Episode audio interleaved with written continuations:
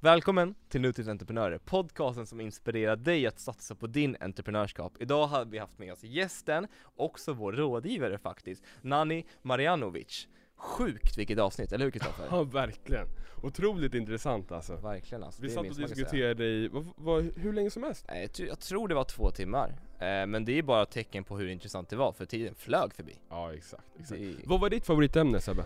Uff, alltså det, det var ju så många ämnen som var så himla int- intressanta, men mest, mest intressanta ämne, det var egentligen hennes tankesätt över att hur det var när hon flyttade till Sverige. För hon var från ett annat land som var lite mer strikt med reglerna, kom hon hit och så såg hon möjligheten. Och jämfört med alla andra så bara tog hon den, hon hoppade in i den och bara tog möjligheten och blev, alltså artist. Efter två år hon bara bott i Sverige, det är så sjukt! Det är otroligt intressant för att det är ju det här Vad hon såg var Sverige har oändligt med möjligheter Mm. Men det är ingen som tar möjligheterna, det är ingen som tar chanserna För att vi Verkligen. har jantelagen, vi har det ena, vi har det andra liksom Ja, verkligen. Otroligt uppfriskande att få se någon, hur det blir när man kommer från ett ett, eh, liksom ett land eller liknande där man har riktiga restriktioner och inte bara normer som begränsar en. Verkligen alltså. Du, vad var ditt favorit eh, egentligen, eh, vad kan man kalla del i podden? Jag, jag älskade det här med eh, eh, hennes sätt att få igenom, alltså hennes kreativitet, hennes arbete. Mm. Eh, exempelvis det här med när hon sålde in sina tjänster för sin chef. Klockrent. Jag, jag ska inte spoila hela grejen men det handlar mycket om att liksom få fram sina idéer otroligt snabbt i en hisspitch. Hon hade från våning 8 till våning 3 Mm. på sig att pitcha hela sin idé, svara på frågorna, kolla Verkligen. intresse, allting det där. Och det är så sjukt im- imponerande Mm. hur, alltså för det handlar om att ta chanserna, skapa dem, allting sånt där. Nej men verkligen hennes erfarenhet, hur hon har jobbat i Fryshuset, hur hon nu i, alltså i ansvar i Sverige på just Project Playground, det är så sjukt intressant. Men vi får inte berätta för mycket, jag tycker att vi hoppar rakt in i avsnittet. Det, det tycker jag också. Grymt. vi kör. vi kör, vi kör.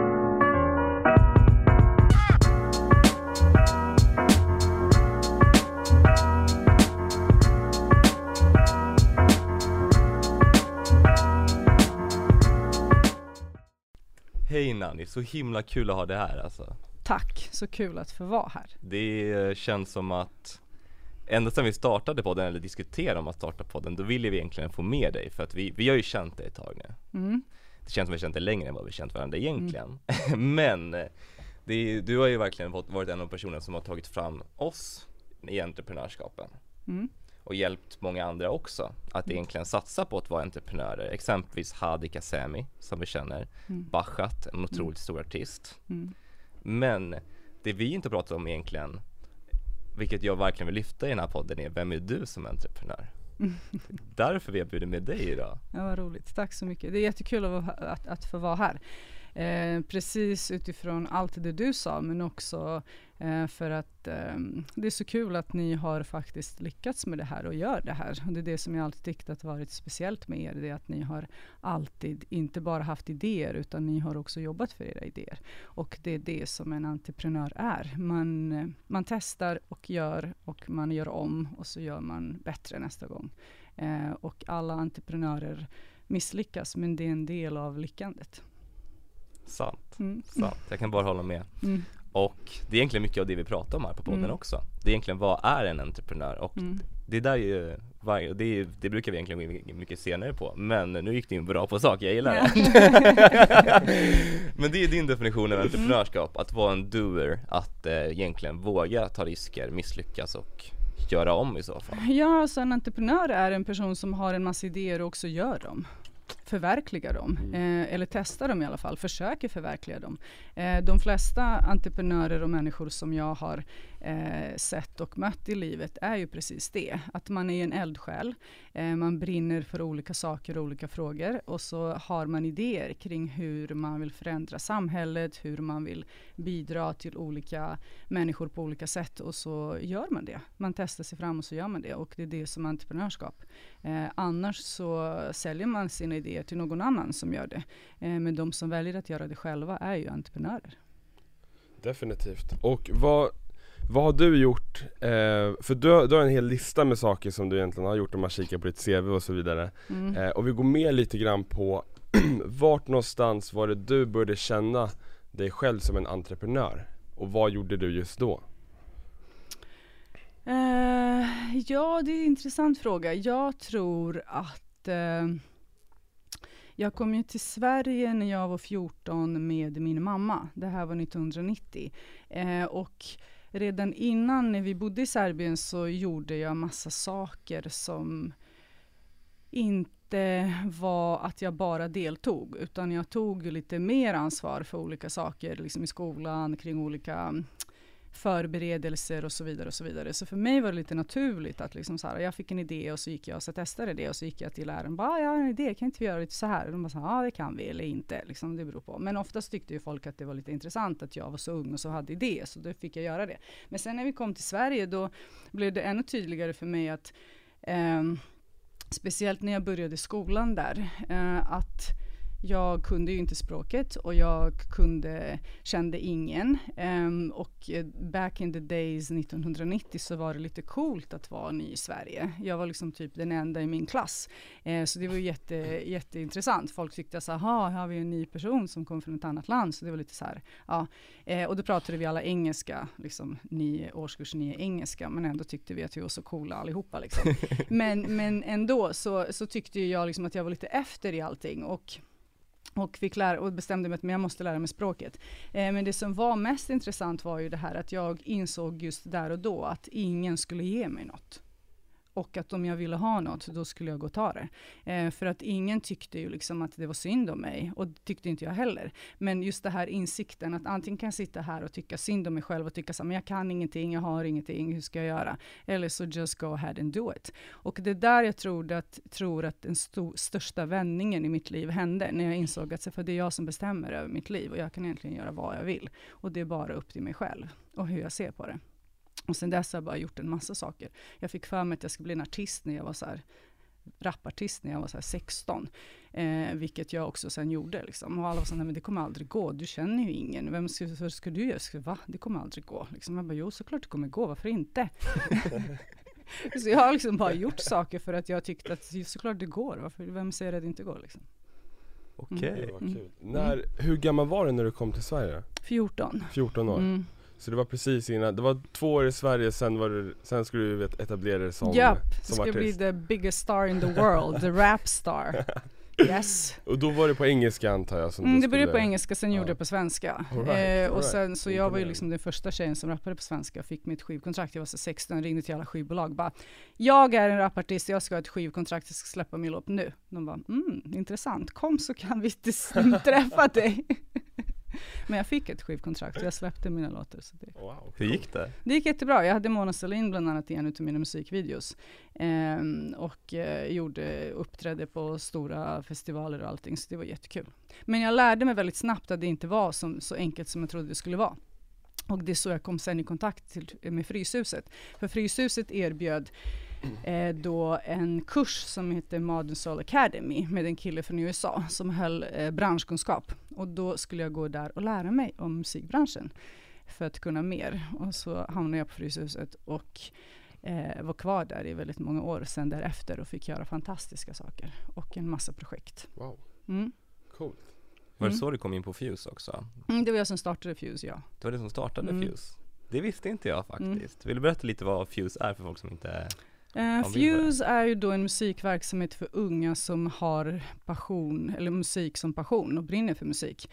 Uh, och den kom egentligen som en förlängning, för så jag började ju då, jag startade också gymnasieskolan. Jag var bland en av få som tillsammans med Anders Karlberg startade gymnasieskolan uh, på Fryshuset och vi var den första gymnasieskolan i Sverige som då byggde på passion.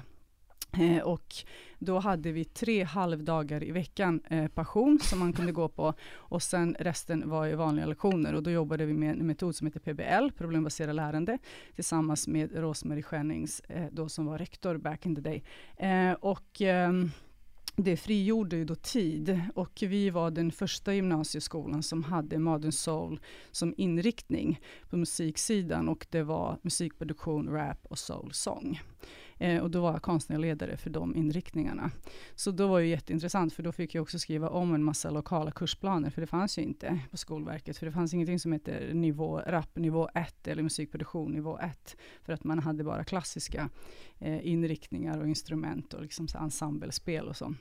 Eh, och då jobbade jag där, det var fantastiskt. Eh, och under tiden som jag jobbade på skolan, då insåg jag att Eh, när det gäller unga överhuvudtaget eh, och när man har en idé så är det ganska enkelt att motivera unga till att göra saker. Och sen skulle de göra sina produktioner, till exempel man skapade musik och man gjorde sina demos men sen visste inte man inte vart man skulle ta vägen. Man visste inte vad, vad är nästa steg. Och då eh, fick jag en idé om att starta Fuse eh, då som skulle vara för de som ville gå vidare och satsa på sin passion inom musiken. Så att den var liksom en, en efterskolgrej. Okej. Okay. Mm.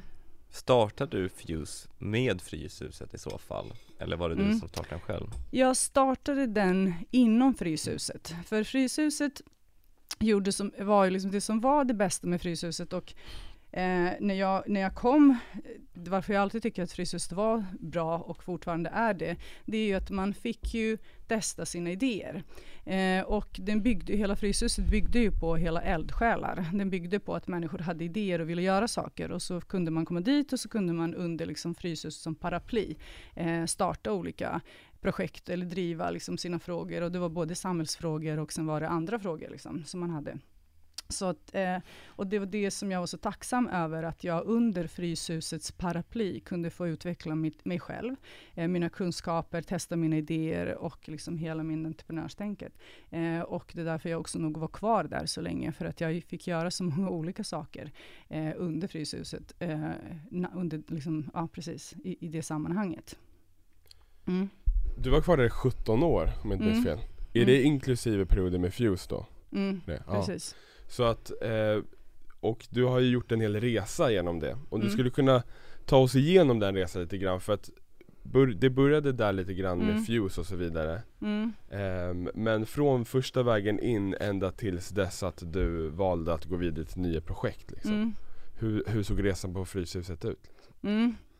Jag var ju med i hela, jag började som elev på Modern Soul Academy då, som den här kursen som var om branschkunskap och sen direkt efter blev jag tillfrågad om att vara kvar eh, och praktisera där, och hjälpa till och väldigt kort därefter började jag jobba där för då ville de att jag skulle stanna kvar. Eh, och så, eh, så då jobbade jag för det och sen blev jag tillfrågad samtidigt som jag hade min artistkarriär vid sidan om. Och den frågade ju Anders Karlberg med om jag ville vara med och starta upp gymnasieskolan, vilket jag sen gjorde så jobbade jag på gymnasieskolan i några år som konstnärlig ledare eh, och liksom utvecklade hela det konceptet. Utifrån det så föddes hela konceptet med Fuse, vilket jag sen gjorde.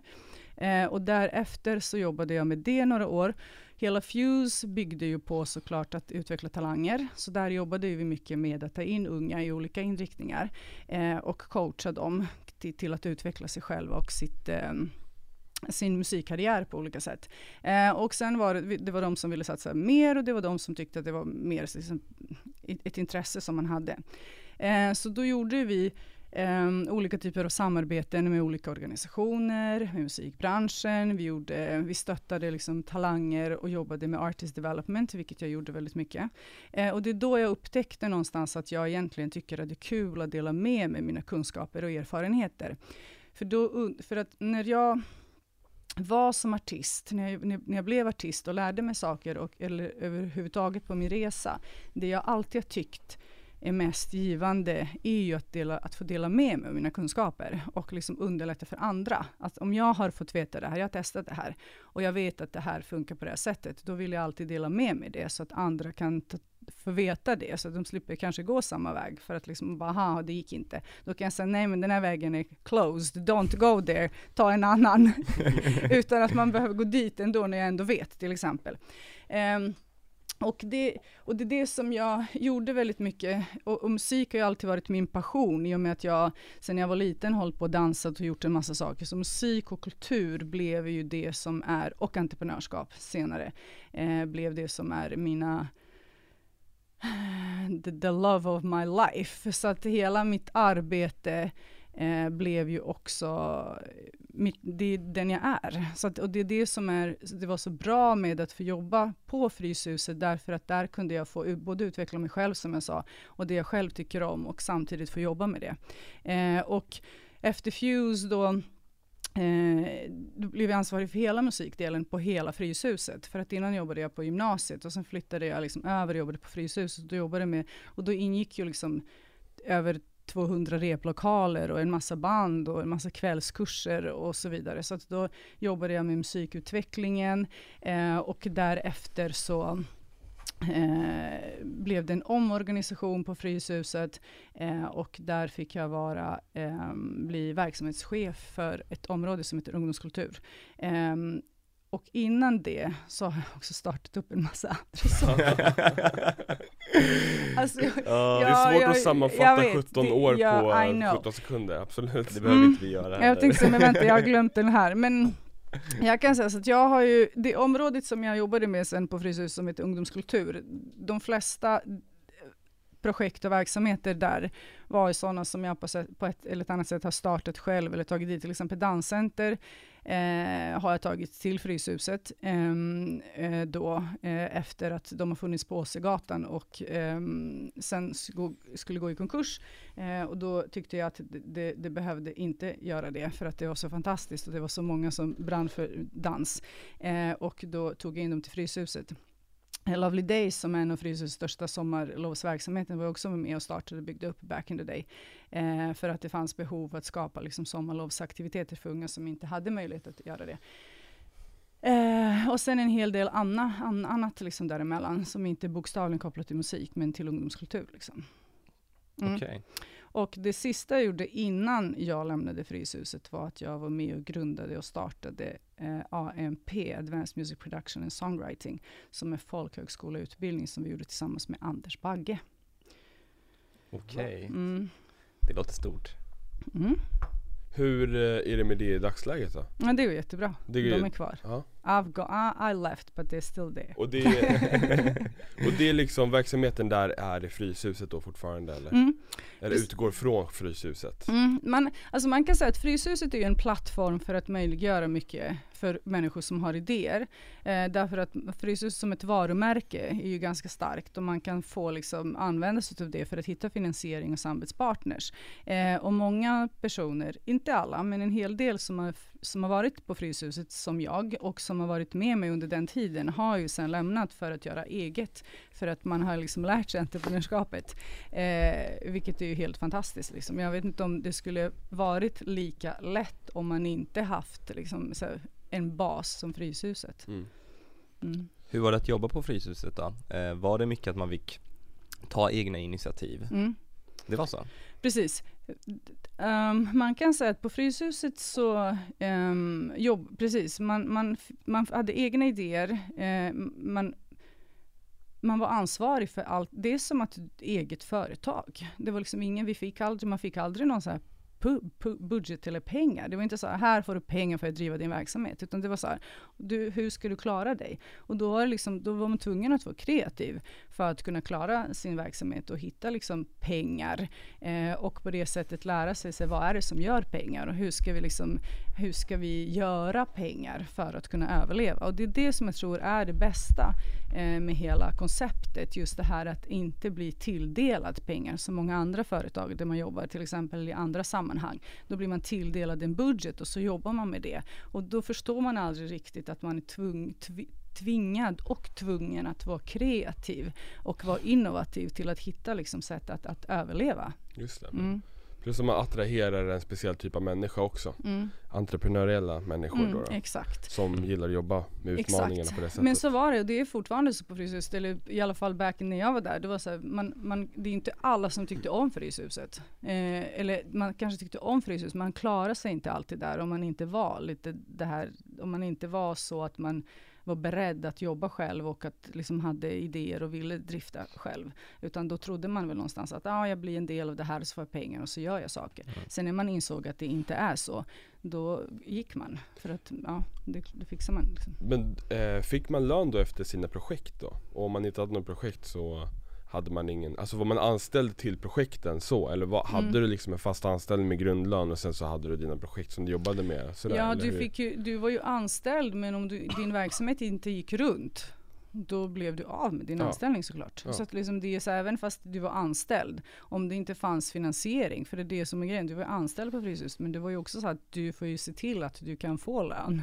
Eh, så att du liksom får du inga pengar och hittar du inga, liksom, i, har inga intäkter och du går back, då finns det ju inga pengar att, bli, att få ut. Liksom, vem, vem ska betala din lön liksom? Just det. Och då, Mm. bara så att vi ska förtydliga ännu mer, Ja. då var det en grupp med människor som hade de här och de kunde kanske ta in folk under sig i sina verksamheter då, eller och anställa Eller hur såg det ut där? För det som jag menar exempelvis är att Mm.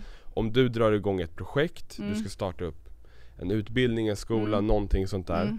Då måste ju det anställas in folk i projektet Mm. Och då har ju de tradi- mer traditionella anställningarna antar jag medans de här projektledarna eller vilken titel man nu har har Mm. den andra typen av anställning eller hur? Ja, hur det ut beror där? lite på. Eh, Det, har varit, det är väldigt flexibelt, eller det var väldigt flexibelt. Eh, det som jag tycker var det bästa med eh, hela eh, Anders eh, Karlberg-skolan som jag säger, som jag har fått vara eh, en, en, en del av, det är ju det här att, att han gjorde saker först.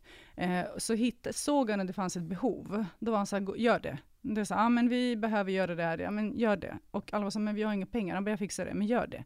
Så att han var mer, gör, visa att det finns ett behov och att det finns ett intresse. Och så använder man det för att säga, det fanns ett intresse, det här gjorde vi. Responsen är så här stor, nu behöver vi finansiera det. Och då, det var liksom hans strategi. Sen finns det liksom, det, det finns andra som tänker så här, nej men vi måste söka pengar. Mm. Ehm, och det är också en strategi där man först söker pengar för att förverkliga idéer. Det är så att jag har en idé och så ska jag skriva en massa ansökningar eller hitta samarbetspartners eller whatever, whatever för att säkerställa att jag får pengar. Du gör en budget innan och du vet vad du, har, vad du har för behov och så väntar du för att få igång det. Jag själv tycker inte att det är en jättebra idé därför att jag tycker att man tappar så många, man missar så många momentum i det här. Därför att så här, man har en idé, man är liksom brinner för det, man tycker det är fantastiskt. Och då får man jobba för det. Då får man också så här, för ju mer saker det händer och du kan hitta lösningar på vägen, det är det som också ger en kraft och det är då man också upptäcker massa nya saker som man inte vetat om. Och man träffar nya människor och det öppnas nya möjligheter. Och visst, man kanske inte alltid har eh, alla pengar man behöver, men det gör ingenting, för pengar kommer i efterhand. Så att det, jag tror, för mig själv har ju det alltid funkat mycket, mycket bättre såklart. Ehm, Sen är det väldigt olika, precis som du säger, ska man starta en gymnasieskola eller liknande, där man ska, måste ha liksom 20 lärare, då måste man ändå ha en viss finansiering. Så det är lite beroende vad det är för- för projekt och verksamhet man pratar om. Men, um, men i det stora hela, så som, som jag sa, det är att uh, man, man, uh, man drar igång verksamhet, man, man också när man, jag tänker att um, det finns alltid, det jag också lärt mig, det är att det finns alltid projekt som går bra och så finns det projekt som kanske inte alltid så jättebra, går bra. Och då menar jag att samtidigt att de som går bra ekonomiskt behöver inte vara de som går bäst, eh, är mest eftertraktade eller coola eller attraktiva, men de går bra. Och för mig har jag alltid sett dem som grundverksamhet. Att du, sätter, liksom, du sätter en bra grund, du skapar en grund, du vet att det här funkar. Eh, och det här är det som på något sätt ger avkastning eller liksom drar in pengar och den rullar på. Eh, och den är stabil. Och sen det frigör ju liksom att du kan använda en del av de pengarna för att göra massa andra saker som du vill testa dig fram. Och så finns det alltid så här projekt som man så här tycker är så helt, helt fantastiska. Som man här både tycker om och man får jättebra respons och folk tycker det är jätte, jättecoola. Men de kanske inte ger så mycket pengar. Men de ger massa annat. Och då får man liksom så här pussla ihop det här. Att, så här, att, att, att få, få ihop det till att bli en, en helhet liksom. Det var alltså så det var liksom att, att jobba på Fryshuset. Mm. Så att det är egentligen som att driva ett företag rakt Ja. igenom liksom. Mm. För där kan man ju Mm. Vi har ju pratat om det många gånger det Mm. här med att man har en trygg, stabil grund som Mm. är liksom det som drar in pengar. Mm. Och sen så kan du jobba lite mer på passionsprojekt och du kan liksom så här, lite annat. Och Mm. då, då var det samma utformning egentligen Mm. därigenom. Att man jobbade med någonting som satte grunden, det drog Mm. in kapital. Mm. Så kunde man använda det kapitalet för att investera i andra Exakt. saker också. exakt. Intressant, coolt. Mm. Verkligen. Mm. Något jag är otroligt nyfiken över, Mm. för att det låter som att Fyset, de vill anställa personer som är entrepre- entreprenöriella, entreprenör, nu går inte orden bra, entreprenöriella om det är korrekt eh, formulerat. Mm. Hur fick du dina idéer igenom? För jag gissar att de var ganska hårda med att vissa idéer ska inte gå igenom, det är ändå en investering. Mm. För det är många som lyssnar säkert tänker, ja men jag är en person som vill få, få igenom grejer på företaget men de säger nej, det är inte så det ska vara, det Mm. funkar inte. Mm. Hur gjorde du för att få dina tankar igenom faktiskt fick utföra de här grymma idéerna och de här projekten du har gjort? Ja, alltså jag tror att jag har berättat det här för er, men hisspitch 30 sekunders, den lärde jag mig med Anders i hissen. Just det, just det. Och det var så att, att eh, Anders eh, satt ju på eh, ofta liksom plan 8 och var alltid väldigt, väldigt upptagen och man går ju liksom inte till Anders vems, alltså, så här, hela tiden, det gör man inte, man har liksom gett respekt, eh, speciellt när man är så här ung eh, och så vidare. Och så ville man ju testa eh, saker och fråga för att någonstans ville man ju veta. För att Anders var också en sån som såklart som alltid visste om saker var rätt eller fel. Och han också bedömde det utifrån mer än bara det finansiella. Ehm, med det menar jag att det inte alltid handlar, för Anders handlade det om gör det här nytta för samhället. Han hade alltid liksom the higher purpose. Det fanns ett syfte. Liksom, kommer det här gynna samhället? Kommer det hjälpa unga? För det är de vi jobbar med. Och om det gjorde det, så kunde, det var ju det som räknades för honom. Liksom. Vad, är det för, vad är det för social fråga eller challenge som vi ska lösa med det här? Och det förstod jag. Jag studerade, lyssnade mycket på Anders eh, och var med liksom när han pratade och möten och, och då förstod jag att aha, men det är det. Och det var också för att jag själv var ju åt det hållet, så det var liksom inte svårt för mig. Det var bara att jag förstod liksom att så här ska det funka. Så jag har lärt mig jättemycket av Anders. Och då, då visste jag att när jag fick idéer, då, då kunde jag så här, vänta och se när han ska åka i hissen, liksom så här från plan 8 ner till trean. Och då hade jag liksom fem våningar på mig, liksom så här pitch the idea. Så då var så här, nu såg jag att han var på väg ner, då sprang jag så här, så, så in och så bara ställde mig in i hissen och var så här, Anders jag har inte, och då visste jag att jag har bara en kort, liksom jag hade så här, typ, jag inte, inte ens 30 sekunder, det är bara så att man åker ner och bara, ja jag tänkte göra det här. Och då kunde jag så här blunda som man gjorde, jaha. Och jag bara, och då, då väntade inte jag på att få en fråga, för jag vet ju vad följdfrågan var, det är varför.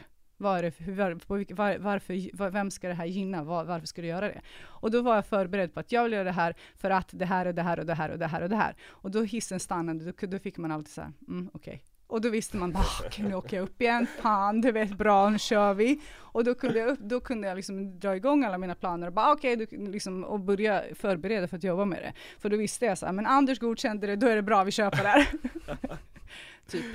Um, men, men sen såklart så, så, så småningom så fick man lära sig liksom uh, göra alla förberedelser uh, och till exempel när vi skulle göra AMPS liksom, och hela den, då måste man göra med budget, för precis som du säger, ju större projekt det är, desto mer måste man planera. Och då är det liksom planera för det, göra beräkningar, göra verksamhetsplaner, strategier, affärsplaner så att säga. Och liksom gör, visa på att så här, det här kommer klara sig framåt och det kanske behöver några år för att etablera sig, men sen är ju liksom ekonomiskt kommer klara sig och det kommer finnas ett behov.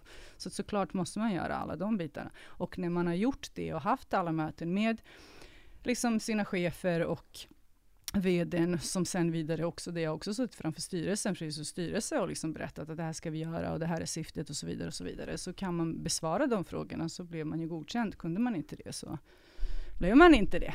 Just det. Mm. och jag blev det väldigt många gånger. Ja, ja, tack vare hissen där liksom. Exakt! Det är som taget ur en liksom, film, det är så ja, jäkla kul. Ja, det är så klockrent, jag får en bild du och ställer, springer in i den Mm. där hissen exakt innan dörren öppnar bara Nej!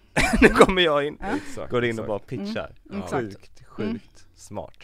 Mm. Och så låtsas man som man bara råkade vara där. Bara, Det är inte så att jag spenderar hela dagen på att vänta på att han ska ta den här hissen. Nej, Visste han om det?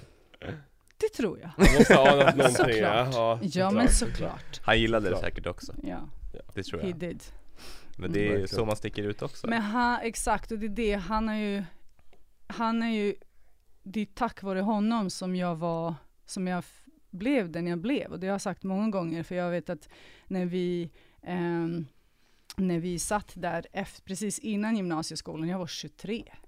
Jag skulle dra igång i gymnasieskolan, jag var 23 år gammal. Jag liksom, nu när jag tänker tillbaka på det, de som skulle börja var typ 18-19, många av dem. Jag var fyra år äldre och jag ska liksom starta upp en gymnasieskola. Och jag kommer ihåg när vi satt där på plan 9, där jag inte heller har varit så många gånger. För att man åker inte upp till plan liksom 8, det är så här, you're all the way down. Så blir du inbjuden till plan 8 och man säger, mm, the high quarters. Du vet, så här, nu ska vi sitta här på hans kontor wow. dessutom. Anders har bjudit in en. Så hela den här hemma. Mm. och så sitter vi där och säger så ja ah, men du vet vi ska göra det här och du vet och du får ansvara för det här och jag vet att och jag undrar hur jag måste ha sett ut då för jag bara så här, men jag vet inte hur det här ska funka för att jag ville men, men jag tänkte så här, men jag kan ju inte det här. Hur ska jag göra? Och då säger han så här, nej men Annie du behöver inte oroa dig, vi kommer hjälpa dig växa in i kostymen. Och just när han sa det, jag kommer ihåg hur det var så här, men då är det okej. Okay. Mm. Det är helt fine. För att just det här att vi ska hjälpa dig växa in i kostymen. Det var precis att det är okej, okay, we got your back. Eller I got your back. Och det gjorde att jag fick jättemycket mer, liksom både kraft och inspiration. Och där kände enorm tacksamhet över att, att att han valde att tro på mig och att jag fick den här chansen. Och för mig var det så här, nu fick jag chansen, jag ska göra mitt bästa. Jag ska göra allt jag kan för att bevisa att jag var värd det här. Liksom. Så att, um, mm. Så han har ju nog alltid tyckt att jag var så här, Ja men jag var så här rap artist, jag hade en massa åsikter, jag skulle göra massa saker, jag skulle förändra världen. Mm. Gud vad coolt, du var 20, mm. 23 år mm. när du skulle mm. påbörja projektet för att öppna en mm. gymnasieskola mm. alltså. Japp. Hur, eh, hur gick det? Var det ditt första, eh, förutom eh, Fusion? Mm. Det var, så, så var det ditt första mm. där med Anders och allting det där? Ja det var min stora, jätte, jättestora, exakt, exakt. Hur, hur gick det på pro projektet då? Alltså liksom motgångar och hur var liksom själva processen med att liksom, för jag kan tänka mig att det är väldigt få som vet processen bakom att öppna en gymnasieskola Exakt, men det som var bra det är att vi, jag var ju liksom inte ensam utan vi hade ju, vi var flera som, eh, Anders själv var med men sen hade vi Rosmarie Schenning som också var liksom rektor eh, och de, som, de andra konstnärledarna var ju lite äldre så de hade gjort det här eh, tidigare och då partnade jag eh, jättemycket med en, en kille eh, som heter Robban Virensjö som var ansvarig för RML. Okay. Som är rockmusikerlinjen. Som han, han är ju var lite äldre än mig. Eh, han är ju det och hade jobbat med RML som en, en yrkeshögskola liksom på Fryshuset i många år. Eh, och han stöttade mig jättemycket. Han har hjälpt mig jättemycket. Eh, för han visste hur det skulle göras och han hade redan skrivit en massa kursplaner i och med yrkeshögskolan och och sånt. Och då kunde jag liksom säga, aha, så han kunde visa, så här gjorde han och då kunde jag liksom följa lite. Eh, så att jag hade, vi hade ju folk eh, och jag hade folk som också hjälpte mig till att liksom, eh, göra det jag behövde göra eh, och stötta det. Och det var det som jag tror, det var det som var hela grejen med både Fryshuset men överlag som jag tror att när man ska göra saker, att man måste omringas av människor som också vill göra saker, som vill själva utvecklas, som vill själva göra någonting och som själva är lite orädda och som också vill dela med sig. För att man kan inte göra saker själv. Det, man kan aldrig åstadkomma saker själv. Um, man kan inte, you cannot become iconic alone. Man behöver liksom andra som är där för att få stöd och hjälp. Och liksom world class takes the world class. Och det är ju så det är. Liksom man måste ju hela mm. tiden omges med folk som, som är bättre än en. Eh, men som också är villiga att, att, att, dela med sig av sina kunskaper för att man själv ska kunna växa. Liksom. Mm. Verkligen. Mm. Jag kan bara hålla med av egen erfarenhet. eh, att eh, det var ju verkligen det som eh, hjälpte oss framåt när vi förstod att vi behövde folk som hade vår rygg också. Mm. Som hade också kunskapen, mm. erfarenheten och kunde pusha oss framåt. Lite mm. att ha en modul som faktiskt kan hjälpa en åt samma resa som man vill. Även om mm. det inte är 100% samma mm. resa så är det, ja. okej okay, den här delen kan du. Mm. Okej, okay, perfekt. Kanske man ska ta in någon annan som kan den här delen och sen får man bara jobba framåt. Ja men precis. Och inte vara rädd för att diskutera saker med folk. Alltså Nej. liksom både och personer som har mycket erfarenhet men också så andra som bara är intresserade av företagande och mm. sånt där liksom. För att ibland bara av att diskutera och få ut det själv så kommer man ju själv på lösningar eller så kommer mm. personen mm. på lösningar och liksom man mm. kan liksom utveckla tankarna på det sättet. Exakt. Och det är där det är väldigt viktigt att ha liksom så här, Ja men exempelvis en rådgivare eller Mm. liknande sådär, en person som kan stötta en liksom, komma Mm. med lite Lite så här, vad, vad säger man, man brukar säga lite ut, att man ser det utifrån liksom. Mm. Man är inte fast i det här Mm. liksom så här eh, processen och kan se det utifrån och bara, men tänk på det här också Mm. liksom. Men det är så roligt när du sa rådgivare, då tänkte jag på den gången när vi, vi hade träffats några gånger. Att typ, jag tror att det var så tredje gången eller något Ja, sånt där, ja. när ni var på PPG. Och sen eh, också har vi suttit och pratat en, stund och så, så, så sitter så Sebastian och bara tänker så här, får jag fråga en sak out of the blue? Han bara, vill du bli vår rådgivare? Kommer du ihåg det där? Ja, Ja, ja, ja. Och Om jag så, så är det in the middle of the så här, Ja. discussion, det var något så här jätte så här, viktigt och vi skulle spela, så jag bara, ah, by the way, Nej men det, Det var så kul, det var så kul, vi satt ju liksom så här, Alltså vi hade pratat i flera timmar och vi satt liksom var helt, alla var jättetrötta i huvudet, hade jobbat hela dagen. Alla blev tysta så här, några sekunder och Sebbe bara tog upp huvudet och bara Mm. Vill du bli vår rådgivare? Nej men det, det var klockrent. spontana tankar efter allt information som det hade gett oss. Nej men alltså du, jag måste fråga! Ja verkligen. Ja men det var ju såhär, 90% fokus var, alltså, var att ta in informationen av allt du sa, så att tänkte igenom, det här måste jag ta in, det här måste jag in. 10% bara, men vad tusan, det här är för bra. Det vi måste få, det, här- det, det kan inte sluta efter det här. Det var liksom, så jag bara, fick en paus och bara, nej, nu kör jag! Go for it! Go for it! Ja, Och det är kraften av att ställa en fråga också. Jajamän, Exakt, viktigt. Det är jätte, Exakt. jätteviktigt. Det är ju det, för Mm. att för många klagar på att de inte får chansen Mm. Men vad då får chansen, ta chansen Det är egentligen det det handlar om Exakt. Ja men om du hade inte sprungit in i den här hissen, skulle du fått chansen då? Aldrig i livet Och det är egentligen det det handlar om, att egentligen att våga ta de här chanserna av egen erfarenhet också Mm. liksom Att man bara ställer en fråga, kraften att ställa en fråga Men ingen, grejen är så här att jag har en, en övertygelse att ingenting är omöjligt. Nej. Det omöjliga tar bara lite längre tid. mm. Verkligen Det är vad det är. Därför att så här, om jag hade trott på folk, vad folk har sagt till mig, skulle jag aldrig ens gjort det jag gör. Jag skulle aldrig, inte, jag vet inte ens vad jag skulle ens gjort. För att folk har alltid sagt till mig så här, men det kommer aldrig gå. Det kommer inte funka, det går inte till så här. Man bara, hur vet du det? Alltså how do you know? Mm. Bara för att det inte funkat för någon annan behöver inte det betyda att det inte kommer funka för mig. För vi har ju olika förutsättningar. Och egentligen, vad är det som avgör att saker kan funka eller inte funka? Det är bara jag själv som kan avgöra det. Och jag har alltid trott att vill man så kan man, för det är det det handlar om. Så vill jag göra någonting så gör jag det. Och, men, men det är det som, som är, att, att bara vilja, det är ju liksom det, det gör ju inget, men, men, men man måste vilja och så you have to go for it. Att så här, ja, men, men har man tillräckligt vilja att, att bli någonting, då kommer man till slut för att jobba på det. Så att liksom när folk säger så här, men jag vill men jag kan inte, ah, jag vet inte riktigt om jag riktigt tror på det där. Eh, det finns de som tror att det är så, men jag vet inte riktigt om jag själv tror på det. För jag tror att vill man så kan man och kan man inte, då ser man till att man kan. För att man vill. Ja. Verkligen. Exakt, exakt Och där handlar det om att våga ta risker också Mm. Det är det det handlar om eh, För att Men ingen, det finns ing, man förlorar aldrig Nej. någonting. För även när saker och ting går fel så har man ju fått någonting. du har ju vunnit erfarenheten att komma Ja, dit ja, det finns ju ett klassiskt citat av eh, flera som har sagt Mm. liknande Exempelvis eh, Thomas Edison nu, Mm. nu minns jag inte exakt hur många gånger han sa men han sa exempelvis typ så här att Jag har inte misslyckats hundratusen gånger eller tiotusen gånger eller vad han Mm. sa Jag har hittat hundratusen gånger som inte fungerar alltså, Ja, liksom. Han har hittat, och han vet nu med sin erfarenhet att det här fungerar inte Men han Mm. hittade det här som fungerade också, Mm. kan ta det vidare liksom. Ja, men precis. Och det är det, jag tänker att det är det det handlar om. Det handlar om att liksom att utveckla sig själv och växa och liksom ehm, utveckla sin egen craft. In the mastery. Alla pratar om så här, the mastery, what it is och att man ska bli så här personal mastery and the craft och så vidare.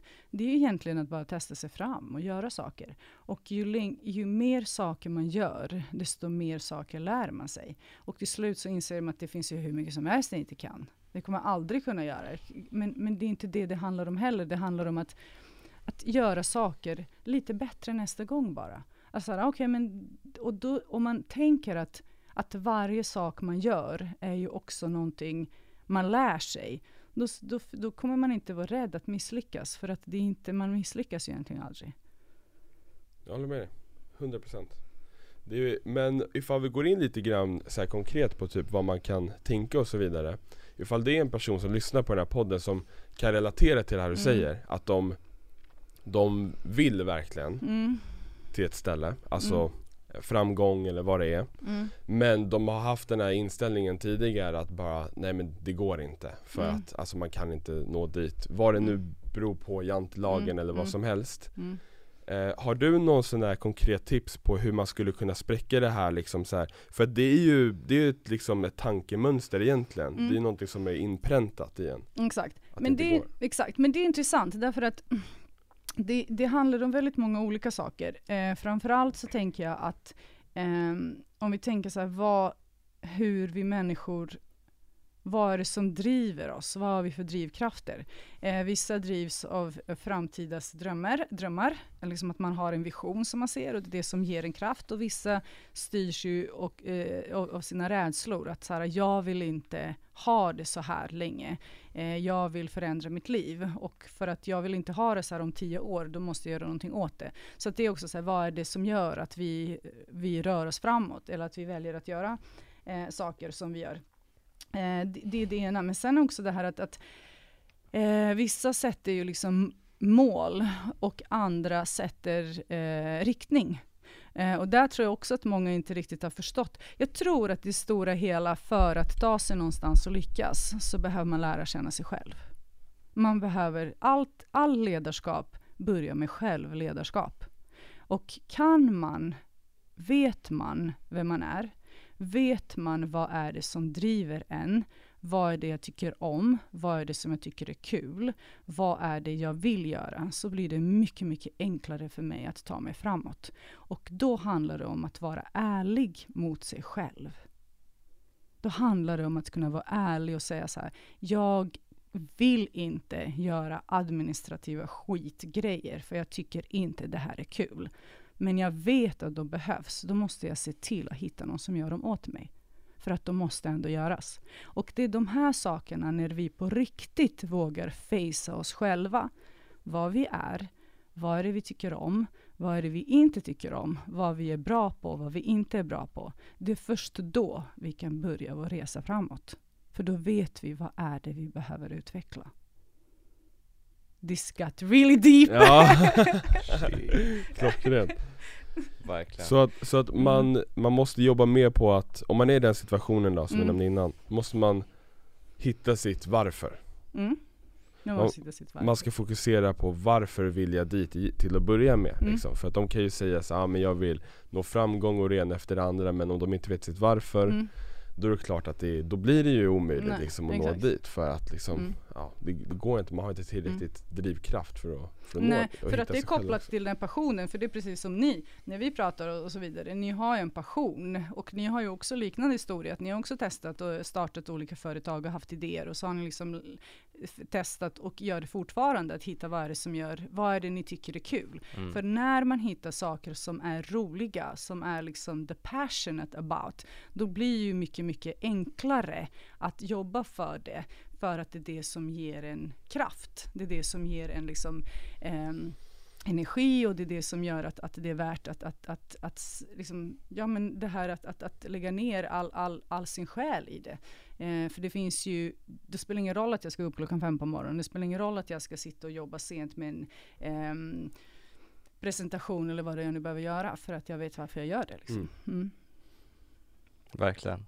Alltså livet är för kort för att man ska göra saker som man inte tycker är kul. Ja. Mm. Det, det, så är det. Jag tycker att det är så tråkigt och det är så synd att så många människor har anpassat sig till att leva det här vardagliga livet som man egentligen inte tycker om och inte så trivs jättemycket med. Man har hamnat i den här tri, liksom trista trygg, falska tryggheten som är så här, men det gör ingenting, jag får ju ändå lön och Ja. det är okej. Och speciellt nu med covid-19, bara, men gud, alla har blivit, många har blivit utan jobb, jag kan inte lämna det här. Fast å andra sidan, det finns ju tusentals möjligheter med bara covid-19. Det finns ju miljontals saker man kan göra och det finns ännu större behov till att hjälpa andra och hitta sätt att göra det på. Så att entreprenörskapet tror jag är fantastiskt sätt att, att göra saker på. Ja, det är Mm. verkligen nu man märker också vilka som är entreprenörer. Exakt. Eh, om man ska vara konkret. Mm. Kollar man på LinkedIn, man märker Mm. vilka som syns direkt, eh, Mm. vilka som fortfarande kä- kämpar under de här Mm. tiderna. Mm. Och det vackra är att det är nu företag hjälper varandra. Mm. Det märker man ju. Mm. Det är så sjukt många personer som bara, Mm. ja men vi söker personal, vi kan ta tillfälligt Mm. personal, hjälpa er framåt. Mm. Vi kan samarbeta, vi, vi vill öppna för det, det finns Mm. grupper som startas. Mm. Vi startar vår grupp nu till entreprenörer på LinkedIn Mm. och bara där, där vårt mål var egentligen att vi ville hjälpa, Mm. att vi, vi, vi ville att vi egentligen, här kan man hjälpa varandra. Mm. Skriv vad ni behöver hjälp, för jag Mm. fick 500 personer på mindre än en vecka tror jag. Ja. Det var på två dagar. Två dagar till och Ja. med. Mm. Det är helt sjukt. Så det, verkligen. Och det, det, det var ju där, det var ju mitt i pandemin liksom. Mm. Och det finns ju möjlighet liksom, Mm. för att nu har jag tyvärr inga exakta siffror på det Ehm, Men jag har hört att det är rekord i både antal konkurser men också nystartade företag Mm. För att det är så många, dels som tvingas till det men också som liksom tar chansen nu Mm. att göra någonting utav situationen För att digitaliseringen har påskyndats enormt Alltså det är som att vi hoppade 5-10 år framåt Mm. liksom Mm. Bara över, över ett halvår Mm. och eh, där finns det ju potential, och sen nu kommer Amazon till, eh, till Sverige. också som lite extra Oh. spice på det hela Ja. liksom. Och Ja, de alltså har- det, det är otroligt mycket som kommer hända och det handlar bara om att försöka göra det bästa av situationen liksom Mm. Att agera och göra någonting av det liksom. Mm. Ja precis, jag tänker så här, är man entreprenör så anpassar man sig. För det är det det handlar om. Du, som entreprenör så är man inte rädd. Man, man ser ju möjligheter. Det är Ja. det det är. Du säger så här, ah, men nu är det det här. Okej, vad kan vi göra med det? Vad kan vi göra utifrån det som finns idag? Och det är där jag också tror att en, en egenskap som en entreprenör så behöver man ju också förstå att, ehm, att det här att följa, följa planer till punkt och pricka går aldrig riktigt. Eh, och för mig, jag har lärt mig det här det flexibiliteten mellan att sätta, sätta mål och riktning. Eh, och då är det så här, jag vet att jag är på väg dit. Eh, och jag har tänkt att jag ska ta den här vägen. Men sen kanske när jag börjat gå den här vägen så upptäcker jag att jag kanske ska gå och ta den här för att det händer någonting där. Och då plockar jag på mig lite grejer därifrån och sen går jag lite. Så jag kanske väljer en annan väg. Men för mig spelar det ingen roll så länge det är rätt riktning för mig.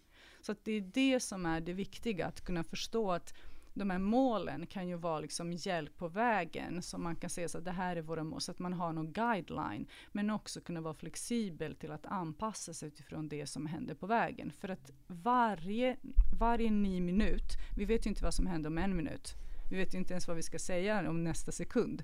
Men varje gång det händer så blir det att det ger nya tankar och det föder nya idéer. Och då får man ju agera utifrån det. Att ju mer information man får på vägen desto mer händer det. Eh, och desto andra beslut man kanske fattar. Och det är det som är att adapt yourself to where you are. And do the best out of the situation. Liksom. Hur vet du att du är på väg på rätt riktning då och att du är på väg mot dina mål? Eh, hur tänker du då? Um, vi säger att du har satt en riktning på att jag, jag Mm. vill åt det hållet. Mm. Mitt mål är att uppnå det här Mm, om vi ser fem år. mm, Nu så vill jag gå i riktningen åt det här hållet. Jag behöver starta upp det här företaget. mm, Jag behöver göra det här. mm, Någonting händer här. mm, Du går lite åt sidan. Hur vet du att du inte fortsätter åt sidan och går åt helt annat håll? Så att du eh, istället för att du fortsätter ditåt, att du vänder tillbaka mot dina mål. Det är en väldigt bra fråga såklart, men eh, Mm. Den är ju också lite djup. den är lite djup. Mhm. Det är den ju. Um, alltså, jag, jag har ju ehm, min, min egen map, hur jag liksom mappar mig själv Mm. eh, och hur jag eh, gör mina val. Jag har också en övertygelse om att, eh, eller övertygelse, men, men tro över att, ehm, eller det jag har lärt mig om mig själv och det jag har lärt mig och läst en, en massa kring är ju att jag tror att man ska fatta beslut med hjärtat, men man ska genomföra sina idéer med hjärnan. Eh, och eh, så har man kroppen som hjälper till i genomförandet. Mm. kort sagt. Eh, och ni har ju hört redan mina, de här utläggen? Exakt. Eh, och med det menar jag att, att, att om jag, för att jag ska kunna jobba för min vision måste den ju komma från hjärtat. Det måste vara någonting som jag verkligen, verkligen brinner för. Det måste vara någonting som är mycket större än jag. Det måste vara någonting som bidrar till inte bara mig själv, utan det ska bidra till andra. Eh, och det ska, vara, ska bidra till världen. Liksom det här stora kända att man vill liksom bidra till världen. Man vill göra värld, världen till en bättre plats eller whatever. Eh, och om det är det som är visionen, sen finns det olika sätt att nå dit och sen finns det olika delmål och det finns olika delmoment. Eh, och om inte någonstans att sätta sina egna liksom värdegrund, att ha värdegrund, att sina values och vad är det som, vad är det jag som person vill åstadkomma. Och om, om då, då som svar på din fråga, då kan det vara så här till exempel att om saker händer på vägen, då vet jag om de känns rätt eller inte. För känns de inte rätt, då gör jag dem inte. Bidrar de inte till det här stora, att, så här, att det ska bidra det ska bocka av mina, liksom det som jag vill åstadkomma i livet med mig själv, då gör jag dem ju liksom inte. Eh, och sen alla andra delmål som är så ja, för att jag ska komma dit så behöver jag göra det här. Då, är liksom, då jobbar man, då pratar vi så här vardagligt arbete, att ja, jag behöver liksom möjliggöra det, eller jag måste fixa en samarbetspartner och så vidare. Men det är ju bara ett arbete för mig. Men det här andra stora är ju mycket, mycket större. Och den måste ju rimma med det jag vill åstadkomma som person. Liksom. Okej. Okay. Mm. Det är otroligt bra råd tror jag också, att Mm. det man gör på vägen Mm. ska alltid ändå matcha med sin, eh, sitt mål, Mm. sina värderingar. Mm. Så då vet man ändå att man är på rätt väg. Mm. För eh, när jag pratat med många andra, det är, ju- jag tror att jag pratade med dig om det också, att, Mm. eh, att man lätt kan komma ur balans. Man kanske går åt ett håll men man tror att det är rätt så istället för att hamna kanske i Spanien så kommer man helt plötsligt till eh, ja, Sydamerika. Mm. Bara för att se en metafor. Mm. Och det är ju ett väldigt bra sätt att se det på. Mm. Att gör någonting som alltid är, rätt i hjärtat så kan, Mm. kan du utföra det med hjärnan. Mm. Precis, och när man väl upptäcker att man är i Sydamerika, då gör ingenting så länge man upptäcker det och tänker så här, aha, men vad kan jag göra här och nu? Mm. Så att så länge man påminner sig själv någon gång att så här, just det, men vänta, det var ju det här, så gör det ingenting så länge man kan alltid gå tillbaka och koppla det man har till det som Mm. man egentligen vill göra. Och det där tror jag att man ibland, folk är så hårda ehm, mot sig själva ibland. Det här att så här, aha, men jag ville inte det här och så tror man att det är för sent och jag skulle gjort det annorlunda och jag borde ha tänkt annorlunda. Det spelar ingen roll. Det, rä- det, det, det som har hänt har redan hänt. Man ska inte spendera en massa tid på att så här, evaluera och tänka på så här, va- varför gjorde jag som jag gjorde? It does not matter, för vi kan aldrig förändra det. Men det vi Mm. kan förändra, det är framtiden. Sant. Verkligen. Så att det är det vi ska fokusera på. Det är så här, okej, men jag är trött på att vara den här personen, eller jag, är, jag vill göra, en- jag blir en gonagen. Bli det! Start now and become whoever you want to. Exakt, True, exakt. true. Det är ju verkligen som du säger, att, att älta någonting Mm. Det är ju liksom oftast vägen in till ångest, depression, allting Mm. sånt där liksom. Så Mm. man tjänar ju noll på att älta Mm. någonting. Mm. Man ska ju istället kika på sig, okej jag hamnade i Sydamerika istället för att liksom bara, ah, nej nu har jag förlorat liksom. Så bara, ah, men drar man metaforen längre så Mm. det finns mycket härligt att göra i Sydamerika Exakt. också liksom. Exakt. Eh, och det är där man kan göra det bästa situationen. Mm. Sen kanske man hamnar någonstans Du visste inte att liksom när du väl kommer upp till USA eller li- liknande då är det ännu bättre än Spanien. Mm. Eller så kommer du till Spanien igen liksom. Mm. Du du kan alltid gå tillbaka till Spanien. Exakt, exakt. Exakt, exakt. Det är bara att köpa wrong flygbiljett. with it. Nej men verkligen. och det är det jag menar, att det är så här, och sen kommer ju folk, vissa som lyssnar på det här och i allmän så kommer de tycka så här, men det är så enkelt att säga så här, men go ahead and do it. Men det är på riktigt så enkelt. Det är det. Det är, alltså, det är inte svårare än att man vill göra någonting Mm. och så börjar man göra det. Ja, Det är ja, det enda som krävs. Det är liksom, det, vill man börja träna, då ska man gå och träna. Och visst, det kommer vara motstånd i början, för det är så det är. Liksom vår hjärna är så, bara, ah, jag vet inte om jag ska göra det idag, eller nej, men du kan sova lite längre. Såklart. Och det är det som är grejen. Men varje gång vi lyckas ändå göra det vi vill, med det här och vinner över den andra delen eller hjärnan i det här så blir det enklare nästa gång. Mm. Mm. Och det är ju så. Och, och, och, hjärnan, den går att träna. I början så kommer den bara säga, "Ah, men jag kan inte, vi kan inte det här, vi kan inte, vi kan inte. För det är det som är reaktionen. Varför man inte gör saker som man inte har gjort, det är för att man har inga minnen. Och det finns en rädsla, så här, men tänk om det inte går, tänk om det inte går. Och varningssignaler. Men varje gång man trotsar det, så kommer den varningssignalen att bli svagare och svagare och svagare. För till slut kommer man bara säga, ja, ja, men vi gör väl det. För att den är van vid att vi gör det. Och varje gång vi gör det och lyckas med det, så kommer ju liksom vårt självförtroende bli bättre. Och det är alltid från att gå upp tidigt på morgonen och börja träna, det är små saker som räknas. But just go ahead and do it. Mm. No matter what it is. För jag menar, what is the worst thing that can happen? Du lär dig någonting liksom. Ja, exakt. Det är det värsta. Alltså där, där har du det. Är det värsta. Du Exakt. lär dig någonting. Och, och då är det också så här, vi pratade senast igår, hade eh, samtal med en, en fantastisk person och vi pratade om det här att ehm, liksom hur, va, vad är det som, liksom hur väljer man och vad är det som, liksom hur går man vidare och, och så vidare. Och, och, och jag sa så här, men hur fattar man beslut egentligen? Det var det, så, här, men vad är det, för jag sa, men jag trodde att vi redan har fattat ett beslut.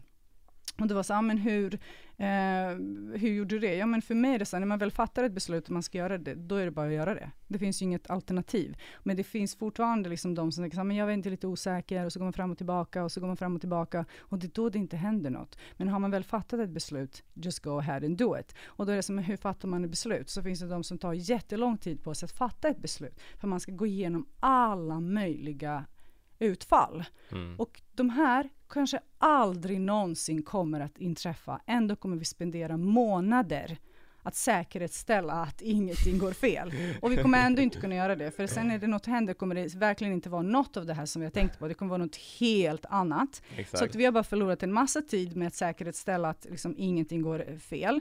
Eh, och när det väl gör det så kommer vi ändå inte veta att, liksom att vi har inte tänkt igenom det. Så för mig är det så här, jag gör tvärtom, eller tvärtom. Jag tänker så här, what is the worst case scenario? Direkt. Och när jag vet att det här är det värsta och kan jag hantera det, det värsta, då behöver inte jag tänka på allt däremellan. För om jag kan hantera det värsta, då kommer jag kunna hantera Ja. allt det däremellan också. Sant. För då kan jag fokusera på det som jag egentligen vill göra och varför jag vill göra det. Exakt, exakt. Mm. Jag pratade med en person också så, som sa att hans mindset är snarare vad det bästa som kan hända. Mm. Amo Cartwright. Amo Cartwright Mm. Men Vi kan göra en shoutout där liksom. Ja, Vi kan göra en ja men shoutout. det är exakt, Exakt. den. Så, här, så du ser ju, för du ser liksom det bästa som kan hända, det är det som är visionen, det är det som är drömmen, det är det som ger energi. Och det är så här, let's go for it, but then of course, alla bara, men du måste väl tänka så här, ja, men det kan jag göra, jag kan tänka gå snabbt, ja men det skulle kunna gå, men vad är det värsta med det här, fine, kan jag hantera det bra, då går vi tillbaka till det, för det är det som är grejen, det är det som är motivationen, det är det som ger drivkraften, det är det som driver en, det är liksom det bästa. Mm. Exakt. Mm. Nej men verkligen, verkligen. Jag tycker det är in- intressant för jag håller med liksom, jag tycker man ska ha koll på båda, Mm. båda delarna av planen. Men Mm. jag tycker det är ett intressant koncept det som han säger att Mm. istället för att säga vad är det värsta som kan hända Mm. så säger du vad är det bästa som kan hända. Mm. För då lägger du din fokus på det positiva Mm. istället. Ja men precis.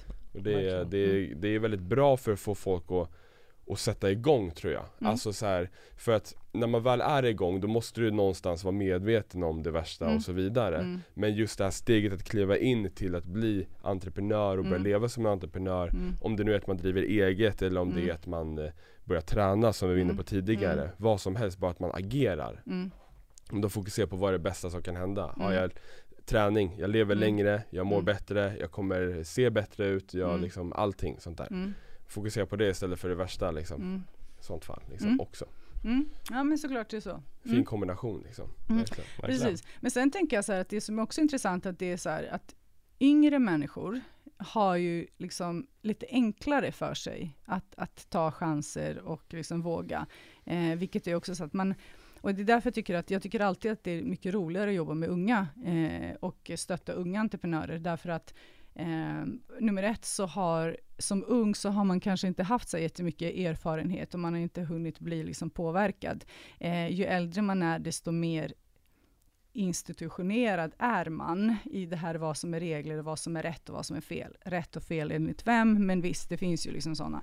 Eh, och som ung då finns det egentligen inte så mycket eh, referenser. Och då kan man liksom så här, eh, inspirera människor. Då känner jag, då kan jag inspirera er och alla andra att tänka så här, do whatever, för att allting är ju möjligt. För att egentligen så kan ingen gå någon annans väg. Alla måste hitta sin egen väg. Eh, och det jag tycker är mest intressant med att jobba och coacha och stötta unga entreprenörer, det är att hjälpa dem hitta sin egen väg. Och liksom hitta det de vill göra och det, det som de brinner för. För det är det det handlar om. Att så här, det handlar inte om vad jag tycker, det handlar om vad ni tycker. Ah, mm. Eller vad alla andra unga tycker. Så vad är det du vill åstadkomma? Vad roligt att du vill göra det. Hur ska du göra det? Liksom? Vad mm. behöver du? Och få dem att bli medvetna om, att, om, precis, om sig själv, sina drivkrafter. Vad är det som inspirerar en? Är det det bästa eller det värsta? Vad är det som får mig att agera? Och börjar man med det så kommer man väldigt, väldigt långt. Spelar det egentligen någon roll eh, vad, eh, om vi säger att du coachar en person, spelar det någon roll egentligen vad de gör? Och vad dina, deras mål är? Nej. Nej, det spelar ingen roll alls? Nej. Okej. Okay. Nej men det är intressant att höra för det finns folk som bara, nej men jag är företagscoach eller vissa säger att ja men jag är coach för det här. Mm. Vad, vad skulle du säga, vad är det som gör så att det egentligen spelar ingen roll vem det är?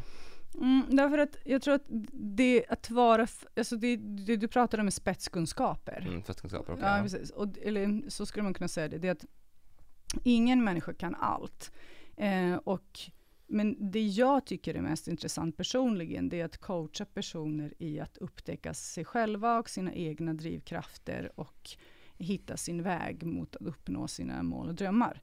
Eh, och i den resan, att vara liksom en mentor eller coach, kanske call it what you want, så kommer ju personen själv ta reda på vad är det hen behöver. Och då ska hen såklart ta tillvara på det på olika sätt igen. Så upptäcker man att man ska vill starta ett företag och behöver någon som kan hjälpa er att starta ett företag och behöver rådgivning, då ska man definitivt gå till någon som kan hjälpa en och ge goda råd mm. kring företagandet. Behöver man någon som kan hjälpa med redovisning, men då ska man gå till en redovisningsbyrå eller någon som kan hjälpa en. Såklart ska man söka upp, men det här att veta vad är det man behöver och kunna navigera sig i sin situation. Det är det som jag tycker är det roligaste och bästa och mest viktiga. Ja. Mm. Jag, skulle, jag, jag hade tänkt lägga till det också men du sa det själv. Alltså det mest viktiga, det är mm. så otroligt viktigt. Mm. Liksom att, att kunna, så här, för det är flera gånger som vi har haft långa diskussioner om liknande där man, vi är på rätt väg Liksom mm. vi jobbar mot vår, vår grej, vår, mm. vårt mål och allting sånt där Men vi kanske har liksom, vi behöver få den här liksom klarheten mm. i liksom en, på en lite djupare nivå. Mm. då behöver man någon som går in och petar lite grann liksom så mm. och bara får fram det. Och då liksom ja. så är man redo att gå liksom. För att det är ju så här, efter vi har våra möten när vi sitter och pratar väldigt länge Man känner ju sig ibland som en ny människa efter det liksom. Det är ju mm. liksom det bara lyfts upp liksom så här. Du menar våra möten? Absolut, Exakt. absolut, våra, våra möten. Mm. Eh, när vi sitter med dig liksom. Eh, mm. och, och diskuterar sådana här grejer. Mm. Eh, så att, nej men jag, jag tycker, jag håller med dig till 100% Jag tycker också det, mm. det är det viktigaste liksom. Att ha den fokusen på, på en djupare nivå också. Mm. Och inte bara tänka så här: okej okay, konkret, hur gör jag nu med skatt. Alltså så här, sånt är asviktigt att känna mm. till mm. Men man ska inte lägga all sin fokus där och nörda in sig i de här små detaljerna i företagandet. Man lär sig under tiden. Man gör verkligen mm. det. Precis, och där är det för mig, det handlar om den här helheten och helhetstank, liksom att, här, att, att förstå sig själv, att det, vem är jag? igen, vad är det jag vill och vad, vad är det jag behöver veta och vad är det, vart är jag på väg? För att, och när man kan navigera och förstå att vi är så mycket mer än det vi gör, och vi är så mycket mer än det vi vill åstadkomma. Eh, och liksom förstå hur, liksom, hur vår hälsa, hur vår kommunikation, hur vår eh, träning, hur vår eh, tankesätt, hur det påverkar oss i det och hur vårt sätt att agera på ett visst sätt påverkar the outcome of the situation. Och det är först då, när, och det är där jag tänker att det är så intressant när man sitter och pratar med er, att, att ni har alltid tusen idéer eh, och, det, och det är fantastiska idéer, men just det här att hjälpa er också att så här, sortera bort vissa saker liksom, och bara, ah, men just det, det här, bra, och hur gör ni det? Och sätta liksom så här, ta bort det som kanske inte är så viktigt men som ändå tar jättemycket tid som man har fastnat i. För vi är ju människor, vi fastnar i massa saker. Vi hamnar i det här loopen att man springer och gör och gör och gör och gör en massa saker. Och jag säger alltid varför är det här Varför gör ni det här? Och bara, men vadå, men på vilket sätt är det här givande? Och det är det som jag tror att vi glömmer bort, att vi glömmer att, bort att stanna upp och på riktigt så här, tänka så här, det jag gör, måste jag verkligen göra det här? Eller gör jag det för att jag alltid har gjort det? Och det här att vara effektiv versus effektfull, som vi pratar om. Så här, att det finns folk som så här, stannar aldrig, de springer hela tiden och man har aldrig tid och man är så himla stressad. Man bara, men hur mycket av det här behöver du verkligen göra? Vad, vad menar du? Men om du skulle liksom göra en prioriteringslista, hur mycket av det här behöver du? Jag bara, ja men det är sant. När man börjar inse att hälften av sakerna man gör bidrar ju inte till min förflyttning framåt eller någonting, utan det egentligen bidrar till ingenting. Det, det, bidrar till att jag springer cirklar. Och det är de reflektionerna som är jätte, jätteviktiga, att man har någon att, att, att jobba med, eller prata med om. Mm. Mm. Kan vi gå in lite mer på skillnaden där och definitionen av liksom mm. att för, för att många ser det som att, alltså de strävar efter att jobba mer effektivt. Mm. Eh, och där har ju vi fått en ny insyn, dels efter en mm. lång coaching session med dig också, mm. att det är egentligen att jobba effektfullt som man ska sträva efter just mm. av den anledningen du sa alldeles nyss. Mm. Eh, skulle du bara kunna gå in lite mer på typ så här, definitionerna och vad som egentligen är skillnaden, varför man kanske ska sträva efter effektfullt arbete snarare än effektivt arbete? Mm. Precis, alltså jag tänker att vårt liv eh, har väldigt många delar och vi som människor borde alltid sträva efter en balans. Eh, och en balans, jag pratade med någon för inte så länge sedan om det här att eh, hen jobbar alltid helger och behöver kanske lite fritid och stru strukturera upp sitt arbete lite bättre. Eh, och eh, då, det här att, att kunna separera och kunna lägga, även fast jag älskar mitt arbete och jag älskar det jag gör, så behöver jag fortfarande tid att reflektera och min hjärna behöver få skifta fokus.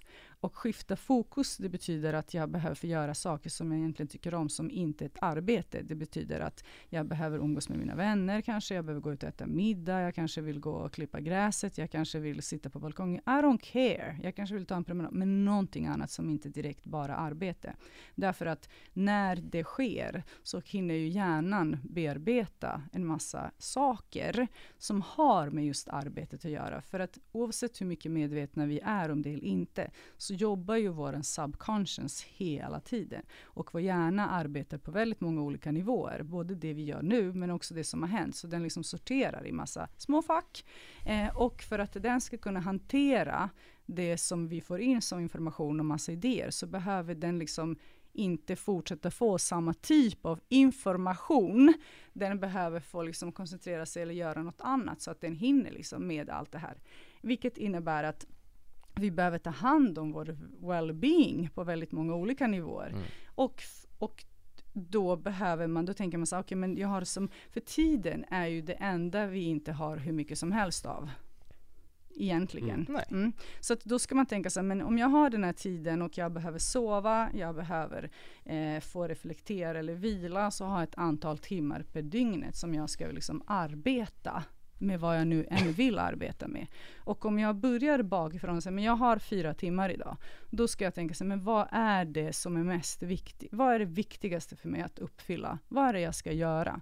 Och oftast för att underlätta med människor, för människor, då, då frågar jag så men kan du inte göra en lista på allt du behöver göra? Allt.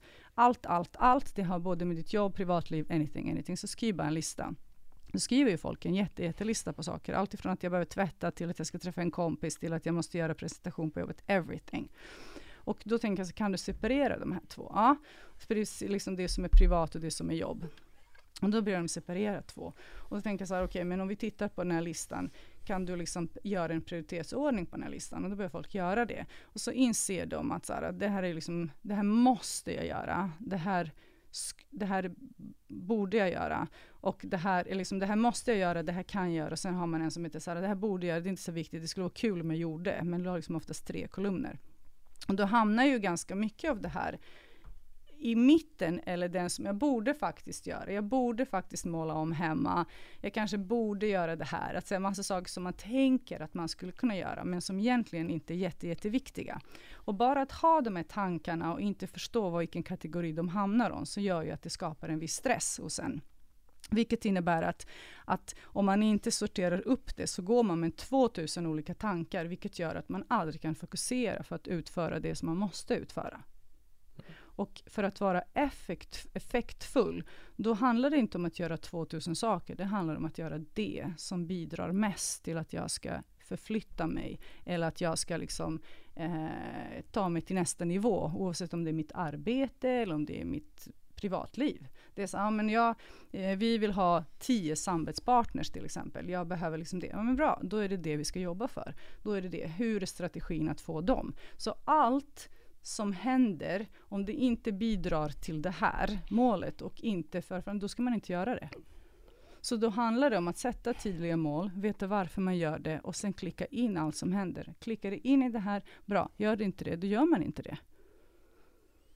Så det handlar mer om att pinpointa vad det viktigaste är mm. och göra det och mm. sen har man tid att göra det andra än att liksom köra typ 13 timmars dagar där man plöjer igenom hela borde, måste och vill-listan Skulle liksom. vara kul Ja, exakt, exakt För att ifall man gör den här skulle vara kul-listan mm. istället för att skriva in nya mm. måste-punkter mm. Eh, så, så tappar man lite, lite tid och man, momentum. För, Ja exakt, det är det. Men sen är det också så att jag tänker att, att vi, det är ju som, samma sak som det här att, att när folk säger att jag har ångest eller man lider av stress. För mig är det oftast därför att man aldrig satt sig ner och skrivit ner det här. Alltså det, det som skapar ångest och stress, det är en miljon tankar som händer. Och när man får en massa tankar, tankarna är kopplade till vissa känslor. Och så fort du får en tanke så får du en känsla. Och vissa skulle hävda tvärtom, men det spelar ingen roll. Hur som helst, vissa människor som känner, de kanske får en känsla först och sen kommer en tanke. Och de som kanske är, får en tanke, de får en känsla, it doesn't really matter, för de är liksom all together. Eh, och det är det som blir att, att någonstans så får, får man den här stressen över att det är så mycket grejer. Men man, för att man vet att man måste göra, men man har liksom inte definierat dem och det är för att man själv är i det här mörkret av en 2000 olika grejer som borde ska kanske göras och varför ska de göras och hur ska de se ut och gud och jag tänkte han och just det presentationen, och just det nu för sig. Så att allt är bara en kaos. För det är ju det det är och även om man upplever så finns de som springer för att i det här kaoset och så finns det de som blir handlingsförlamade och gör ingenting. För att de kan inte, men det är fortfarande kaos. Bara för att det inte är extern kaos och de inte springer, är det fortfarande kaos inuti. Och det är det som är det, liksom, att man inte riktigt så här, att när man säger, men vi har fått det här, jag ska hantera mina, det pratar vi om, så att hantera panikattacker och så, fast det är inte, att, det är fint att kunna hantera dem, men det intressanta är varför de kommer. Vad är orsaken till att jag får panikattacker, att jag får ångest, att jag får de här känslorna? Vad är det inom mig som gör att det här händer? Och, och det enda sättet att, det är tillbaka till det här att titta på det. Så här, vad mm. är det som gör? Vad har jag i mitt liv just nu som gör att jag mår som jag gör? Och våga fejsa det.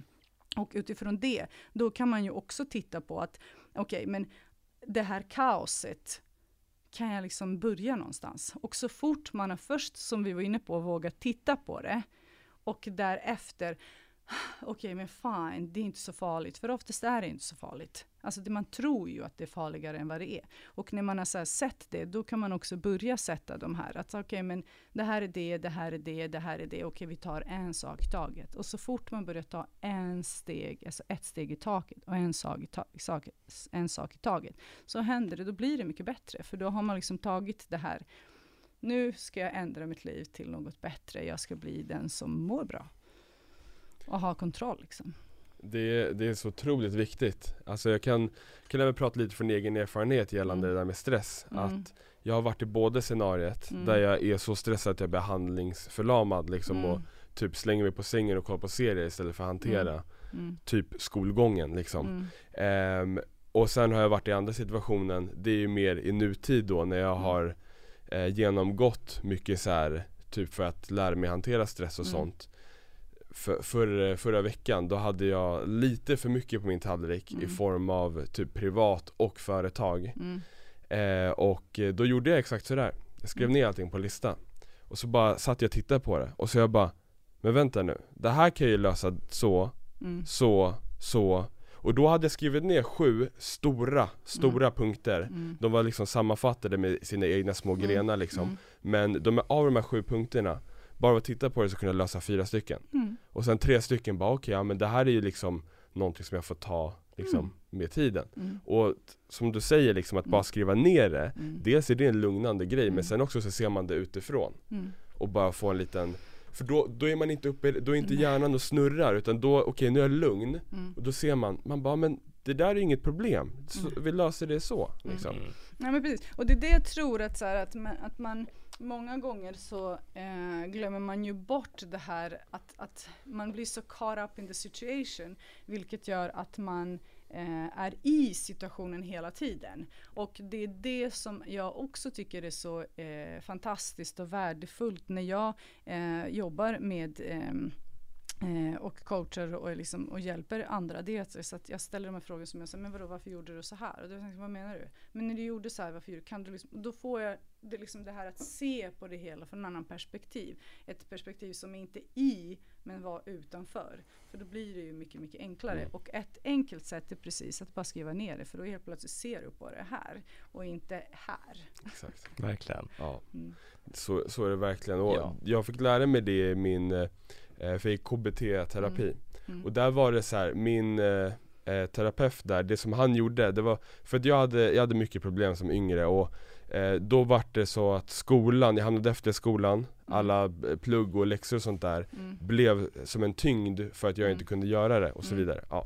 Så att eh, det blev liksom i terminen där så blev det som att Från att ehm, allt plugg hade blivit ett resultat av att jag mådde dåligt så blev det orsaken till att jag mådde dåligt Mm. för att jag låg så mycket Ja, efter. Mm. och det som han gjorde då var att han på whiteboardtavlan ritade upp ett stort berg Mm.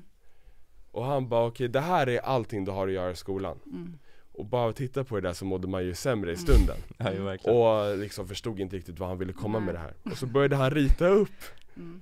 Stegvis Mm. på det här berget Mm. Och så sa han så här, han bara eh, när måste allting vara klart? Så sa vi en vecka Då skrev han Den veckan, då är du här uppe på toppen Ja. Och då bara när man satt där, det var så omöjligt att tänka att det skulle vara Ja. så Det var helt omöjligt Mm. Tyckte han var lite galen alltså Mm. Och det var så här, vi började skriva ner allting som vi hade att göra och han skrev dem så här i berget liksom, Ja. uppåt sådär Och så var det så här, när jag kom dit nästa gång, då ritade han upp berget igen och så Mm. bockade vi av Ja. Och så bockade vi av och jag klättrade högre och högre och Mm. högre på det här berget Mm. Och det var sånt bra pedagogiskt sätt att få Mm. in det här med Mm. att få det framför dig, Mm. då kan du enklare hantera det Ja. Sen var man där uppe på Mm. toppen liksom Mm. till slut Och hur kändes det? Det var ju helt magiskt, man var ju så lättad, jag bara satt och log hela tiden liksom. Exakt. Men vet du vad som gjorde att du kom dit upp? Jag tror att det var, det var att eh, stressen minskade så att jag kunde se Jag kunde enklare se vad jag behövde göra istället för att ha den här ångesten och paniken och liksom vara rädd för det och stänga av liksom. Och vad gjorde du då? Jag agerade, jag gjorde Exakt. Jag betedde mig som en entreprenör Exakt. Ja, men det är det. För att där, du är tillbaka i det här att, att så länge man börjar gå. mm. Hade du, all, ha- hade du aldrig börjat gå skulle du aldrig kommit upp. Så det är ju det, att någonstans måste man börja gå och förstå att så här, det spelar ingen roll, om, även om du var längst ner här på berget och det var så, här, men så, nästa gång var du här och då var du inte där längre, Nej, utan exakt, du har ju kommit upp en bit vägen. Så var, varje gång så kom du lite och lite längre fram. Och det är det jag tror att folk glömmer bort. Eller, alltså vi vill ju inte, på något sätt vill vi, eller vi vet fast vi vet inte, eller vi erkänner inte det här att allt tar tid. Ja. Det är så här att det, det, böcker skrivs ju in, inte på en dag. Folk skriver sina böcker i flera år. Liksom, Rome was not built in a day. Alltså du vet, det, ta vad du vill, de här pyramiderna, ta, ja, jag vet inte vad. Alltså allt, det är ingenting som görs. Till och med om du ska laga en lunch, den är inte så här instant. Nej. Även om det är nudlar du ska göra så fortfarande tar lite tid för dem, att så här, beroende vad det är. Så att, och allt som tar, som är quality takes longer. Och då är det ju att om man förstår det och börjar någonstans så blir det ju liksom mindre och mindre kvar. Verkligen, och det är ju, man ser ju ofta saker långsiktigt. Mm. Man har ju, man, man minns ju själv när man var lite yngre och såg på de här sjukt kända personerna. Mm. När jag var yngre då ville jag bli fotbollsproffs, då såg jag, Mm. då såg jag Zlatan som blev stor, man Mm. såg Messi, man bara Hur kan han spela så bra? Mm. Men då 12-åriga Sebbe tänkte, men hur tusen ska jag komma dit? Det är omöjligt. Mm. Jag, jag kan inte gå dit, jag menar jag kan knappt skjuta i mål. Mm. Men det handlar ju om att det är en resa. Ja. Så är jag, det allt. Ja precis, så för, för då, och jag tänker att det som tre saker som jag har alltid liksom sett eh, som viktiga eh, för en för, för, liksom för, för en person eller för mig i alla fall har ju varit det här att ha commitment, ha discipline and work for it. Mm. Eh, och såklart alltid ha roligt. Eh, för har man inte kul då är det inte not worth it. Eh, och liksom se till att, ja men precis, ha roligt på vägen. Mm. Och förstå att det egentligen som räknas, det är den här resan till upp. För det är den du pratar om. Du pratar inte om vad, hur det var när du kom upp. Nej, men du exakt, berättade exakt. precis hur det var sen när du skulle gå dit. Precis, Exakt. Det var så här, och det är det vi missar. Vi missar att egentligen alla filmer, allt vi tittar på och alla böcker, så det vi läser om är ju resan. Mm. Det är allt han handlar om liksom. Det är allt det handlar om. Det är Ja, ja. resan dit. Och eftersom vi vet om det, då ska vi bara se till att ha roligt på resan. Jajamän, jajamän. Exakt. Och vi har ju haft en, en till poddgäst som pratar jättemycket om det där Mm. Daniel Åkerström, Mm. han är VD för Dape Mm. Och hans eh, filosofi är ju det här med att han, han vill jobba 75% Mm. men han vill driva ett framgångsrikt företag Mm. Och han gör det. Mm. Han är alltså det är liksom För att det finns ju det klassiska liksom så här, ska du starta eget då ska du jobba 80 timmar i veckan liksom minst Nej, det ska man inte. Nej men det klassiska, Mm. vad folk säger liksom, var beredd på att jobba 80 timmar i Mm. veckan liksom Mm. Mm. eh, Men alltså han är ju ett kvitto på att nej, alltså det behöver du verkligen inte Han jobbar ju 75% vad är det, 30 timmar i veckan Mm. eh, Och det är för att han har mycket passionsprojekt som han jobbar med, dykning och så vidare Mm. Och där kommer vi verkligen in på det, för han, Mm. Han värdesätter ju resan mycket mer än destinationen Mm. Och det är ju extremt viktigt för att Mm. det, det ska ju vara kul, det ska vara värt det Och Mm. det är någonting som jag tror många måste ta med sig i Mm. sitt företagande också Mm. Faktiskt Ja, men om du inte har kul, då är det inget kul. Nej. Alltså om du, Verkligen. inte, om du kommer ska starta ett för, Ja, men om du ska starta ett företag. För att ibland, det kommer ju finnas perioder då vi kommer behöva jobba, jobba extra. Eller jobba extra. Sen är det också så här, vad är att jobba extra? Eh, och ibland liksom när man driver eget så, så ofta så gör man det utifrån sin passion. För det är det som händer varför många blir utbrända. Därför att man eh, liksom startar ett företag eller ett projekt utifrån det man brinner för, utifrån sin passion, utifrån det man vill åstadkomma. Eh, och så jobbar man ju jättemycket med det och så glömmer man ju bort det här eh, man, man har liksom inte riktigt förstått vad betyder att driva ett företag. För att det finns ju liksom att vara professionell, eh, liksom mass, massa däremellan. Och det är det, som, det är det som sen avgör om man, if you make it or you break it. Det är liksom, fortsätter du som entreprenör och klarar du dig, eller gör du inte det? Och det är liksom när man börjar förstå att så här, kan jag göra det här till ett jobb? Och kan jag inte det? mm. Och kan jag det göra till ett jobb, där jag kan förstå att jag kan förflytta det här, min passion, och göra det till en profession, och göra det som ett arbete, vilket är det bästa man kan göra i livet, att du har någonting du tycker om, du har någonting som du brinner för, och du kan leva på det. That's the, the dream scenario. Mm. Liksom. Och det är när folk förstår det och börjar bete sig och organisera det, sitt liv som ett jobb, det är då they can make it. Och då kan man jobba 75% för att han kan fortfarande ha roligt med det. Exakt Mm. Ja, verkligen. Verkligen. Så entreprenörskap är ju en egen en passion i sig. Definitivt, det är det verkligen That's true. That's true. Också en sak som du säger, det är resan som räknas också. Mm. 100%. Mm. Där kommer vi på Da- Daniel Åkerström igen, det är det han Mm. lever efter, det är Mm. det som, som räknas, man har sjuka historier. Men det är ju det, för det är det man kommer minnas. Ja. Verkligen, och grejen är att jag kan ju prata för mig själv men jag tror att du känner likadant Vi hade inte gjort det vi gör om vi inte hade tyckt att det var kul Nej. liksom. Nej, verkligen. Allt som vi håller på med liksom, jobba otroligt många timmar i veckan Alltså Mm. det är ju för att, för att det är ju det är passion också i det Mm. hela liksom. Ja. Ja verkligen, jag kan bara säga från erfarenhet, det, det är, nu vaknar jag ungefär fem varje dag. Mm. Eh, när jag gick i tvåan till trean på gymnasiet, då vaknade jag typ, okej, när ska jag gå upp senast för att hinna, hinna till skolan? Men två år innan det, då var jag otroligt fokuserad på att bli världens bästa gamer. Mm. Då vaknade jag två timmar innan skolan när jag hade tio minuters gång till skolan för att jag skulle spela två Ja. matcher. Sen kom, sprang hem, skulle spela igen. Jag Mm. hade ett mål. Och det är när man vet, när man har något man gillar och man verkligen vill jobba dit. Det är då man kan göra de här galna sakerna som folk sen bara, hur tusan kan det vakna så tidigt? Det är så intressant för att jag har också mött, jag har också haft diskussioner med folk som säger så här, men där är enkelt att säga när man har ett mål. Vad Mm. händer med oss som inte har eh, drömmar och mål och passion? Verkligen. Och jag vet inte om det där riktigt stämmer.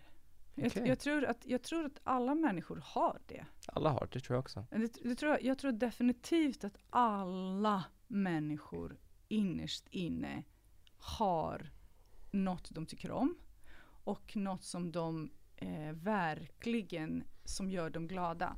Sen har de kanske utifrån sina circumstances inte växt upp och trott att det här, det här kan vara någonting som jag ska hålla på med i mitt liv.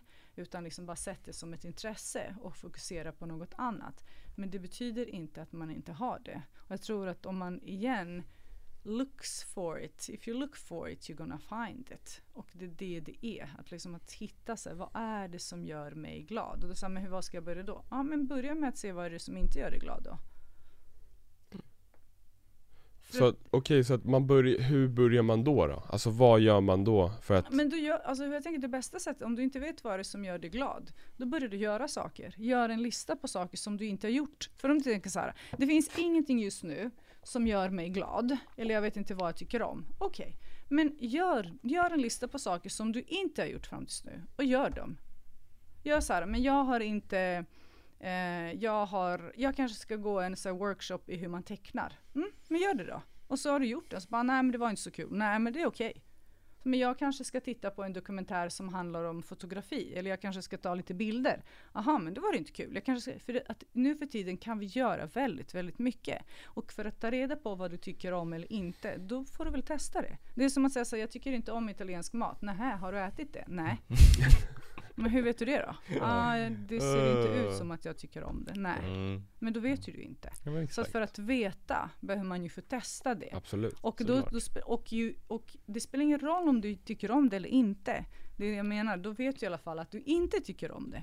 Och då blir det så aha men det var inte så kul, nej men det är okej. Du har i alla fall testat det, men det var inte heller kul. Nej, men du i alla fall. Så någon gång kommer du börja så här, tycka, så här, men det här, det här var lite kul. Ja men vad kul att du tyckte att det var kul. Då kan du bygga vidare på det. But to know we need to try. Exakt. Verkligen. Men verkligen, men det, det är ju lik, det är lite likadant att det känns som det är ganska likt när man jobbar mot sina mål. Man märker att någonting, men det här ska jag, det här, det här är någonting som är nog mot mina mål. Mm. Sen märker man att det här var inte lika kul. Mm. Det är egentligen samma sak, bara att här testar man för att veta vad man vill göra. Mm. Det, det låter Mm. som det, som det är exakt samma sak egentligen. Mm. Men precis, och det handlar ju om att, så här, att ja, men navigera lite. Mm. Hitta liksom sätt, och enda sättet att, att veta det är att testa. Jag menar, vi har ju, egentligen så spenderar vi väldigt mycket tid åt att följa andra. Mm. Det är ju det vi gör. Alltså det är ju, folk gör det som att sitta och scrolla sin telefon. Och om man, tänk, om man skulle bara säga map how much time I put on att följa andra på Instagram och TikTok som ser och skrattar åt alla andra. Tänk att om man kunde ta en del av den tiden för att testa någonting för sig själv. True. Då skulle ju liksom det ge ganska mycket. Ja, verkligen. Mm. Jag är lite nyfiken på hur mycket av det tror du kommer från jantelagen? Just det här med att man inte provar, man gör inte saker, man agerar inte så mycket. Alltså det här i Sverige del, gör det säkert det. Eh, ganska mycket. Men sen tror jag också att här i Sverige och många andra länder som, som har det ganska bra. Så tror jag att, att vi, du vet det här att man är lite nöjd. Mm. Vi behöver egentligen inte. Det är inte liksom på död och, och liv och död direkt. Liksom. Och det märker ju jag nu eftersom nu har jag jobbat ett tag på Project Playground. Eh, och där har ju vi jobbat ganska mycket med unga som har flytt hit eh, från olika länder. Och när man hör deras historier så, som var liksom som är fantastiska historier kring hur de har tagit sig hit och resan som har tagit i två år och hur den resan har sett ut och man har suttit i fängelse och man har hängt under en lastbil och man har liksom klättrat över taggtråd och man har liksom eh, paddlat över liksom en medelhavet. Ja men sådana historier Mm. som man bara såhär I do not even know how you made it till exempel. Och det här, de har de har fortfarande det här, såklart vi kan, we're gonna make it. Och de gjorde det för de hade inga andra alternativ. Det fanns inte jag går tillbaka, för det fanns ingenting att gå Nej, tillbaka nej, till. Nej. Den enda vägen var rakt fucking fram. Ja, exakt, Och exakt. då går du Då går och du. du gör Åh. allt du kan för att du kan inte gå tillbaka. Mm. Det finns inte. Och när du sitter där, då vet du att it's now or never. I våra länder, i Sverige och många andra, vi behöver aldrig. Vi kan alltid gå tillbaka för vi har ändå ganska bra. Vi har ju fantastiska lägenheter och vi får ju liksom i the worst case scenario SOS kan ju betala allt. Ja, Ja. Och liksom vi får ju lite a-kassa och sådär. Och jag menar visst, jag kanske inte trivs jättemycket på mitt jobb, men vad då? Det är ju inte ingen annan som gör det. För då ska man älska sitt jobb? Det ska Ja. man väl inte? Det är väl okej, vi kan stå ut med lite där. Vad spelar roll? Vi går verkligen. till jobbet och så är jag lite så här halvsur och mina kollegor är lite skit. Och, ja men skitsamma, det är väl en del. Det är okej, snart är det fred och då kan jag gå ut och göra vad jag vill. Mm.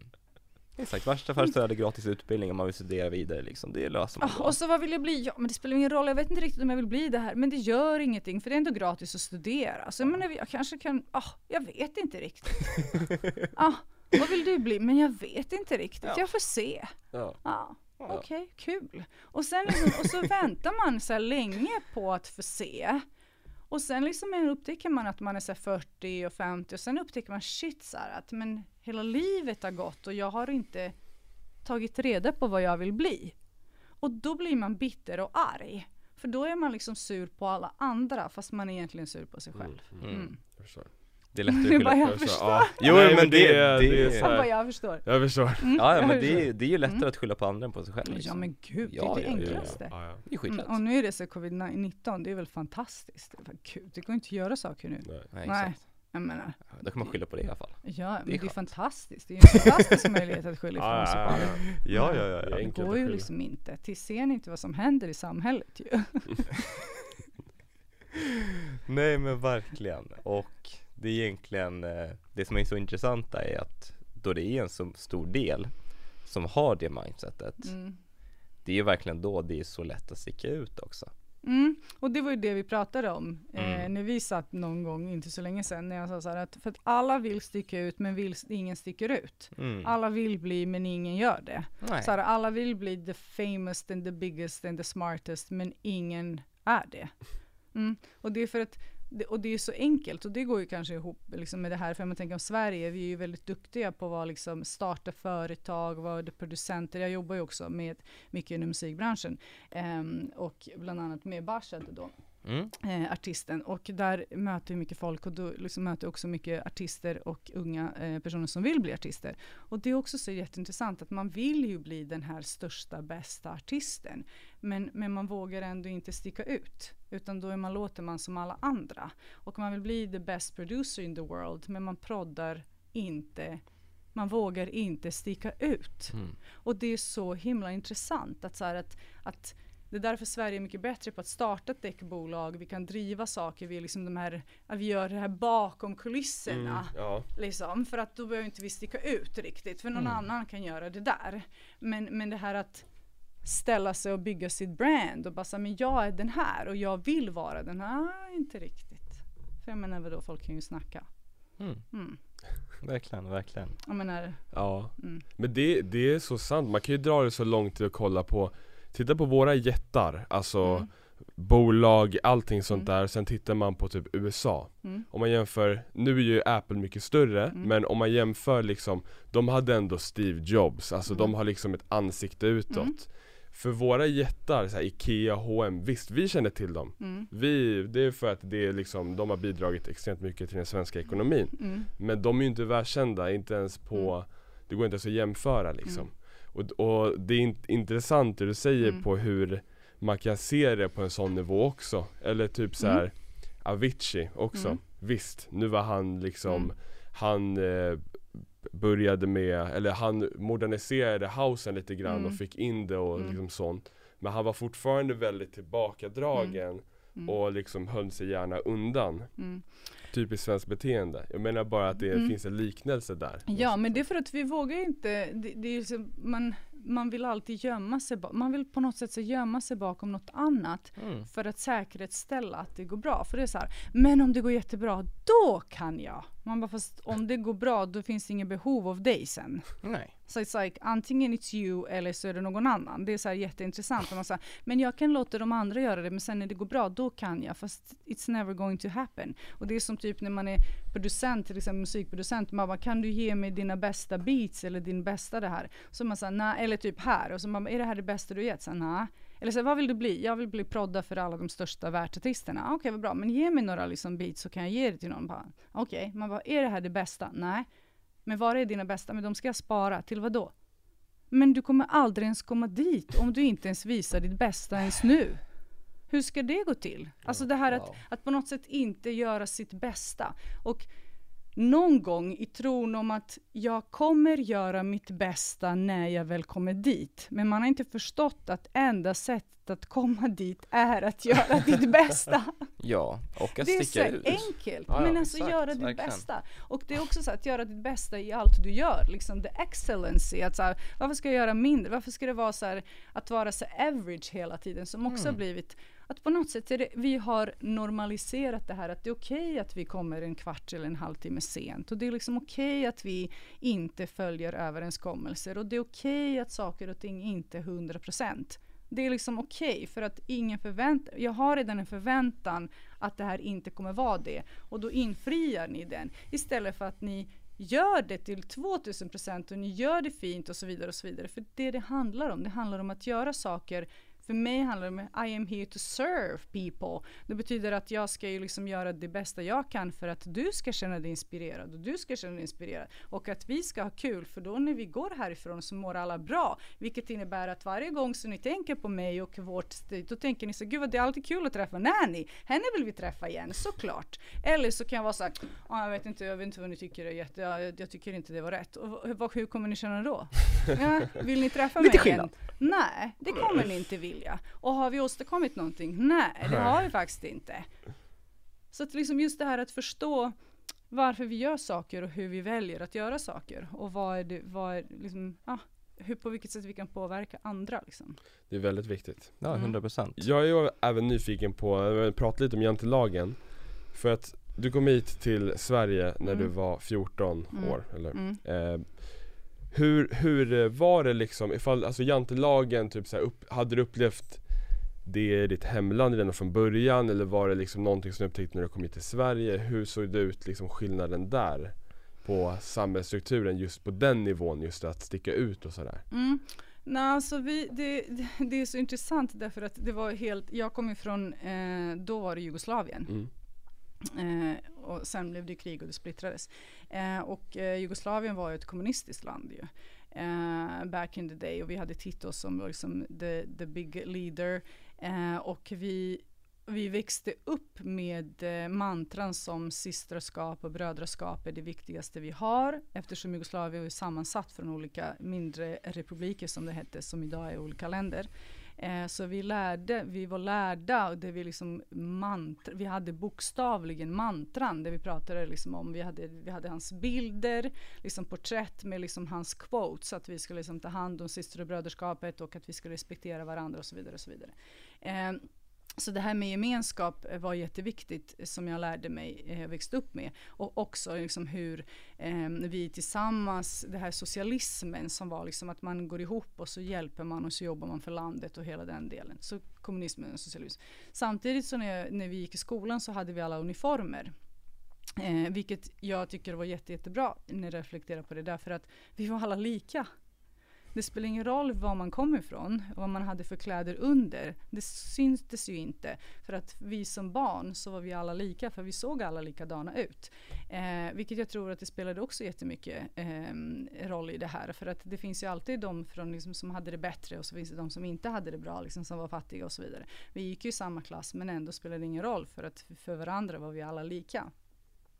Eh, men, och sen, eh, men såklart så, så var det mycket så här struktur, att så här, hur man skulle bete sig. Det här var väldigt mycket, mycket, mycket, mycket, mycket strikt liksom, i samhället och följa liksom, ja, men det för ordning och liksom regler och lärare och allt, allt, allt. Sen. sen när jag flyttade hit så var det helt tvärtom. Det var liksom så här att, jo man kunde, vi, vi liksom i Serbien fick vi ju sitta på bestämda platser, alltså det var väldigt mycket sånt liksom. Så kom till Sverige, då var det så bara, do whatever, ni kan sitta var och vill. Du kunde tugga tuggummi, vilket vi inte kunde. Vi kunde ha färgad liksom, nagel, massa sånt som vi inte hade. Så det var liksom frihet. Men då insåg jag att, och för mig var det så men shit, här kan vi göra vad som helst. Så jag såg tusen möjligheter. Och helt plötsligt var det fritt fram. Och jag som var sån person. Och så var det liksom folk som satt och inte gjorde ett shit. Och för mig var det, men vadå? Men ser de inte det jag ser? Vadå, men vi kan ju, bara, men vi kan göra det, ja.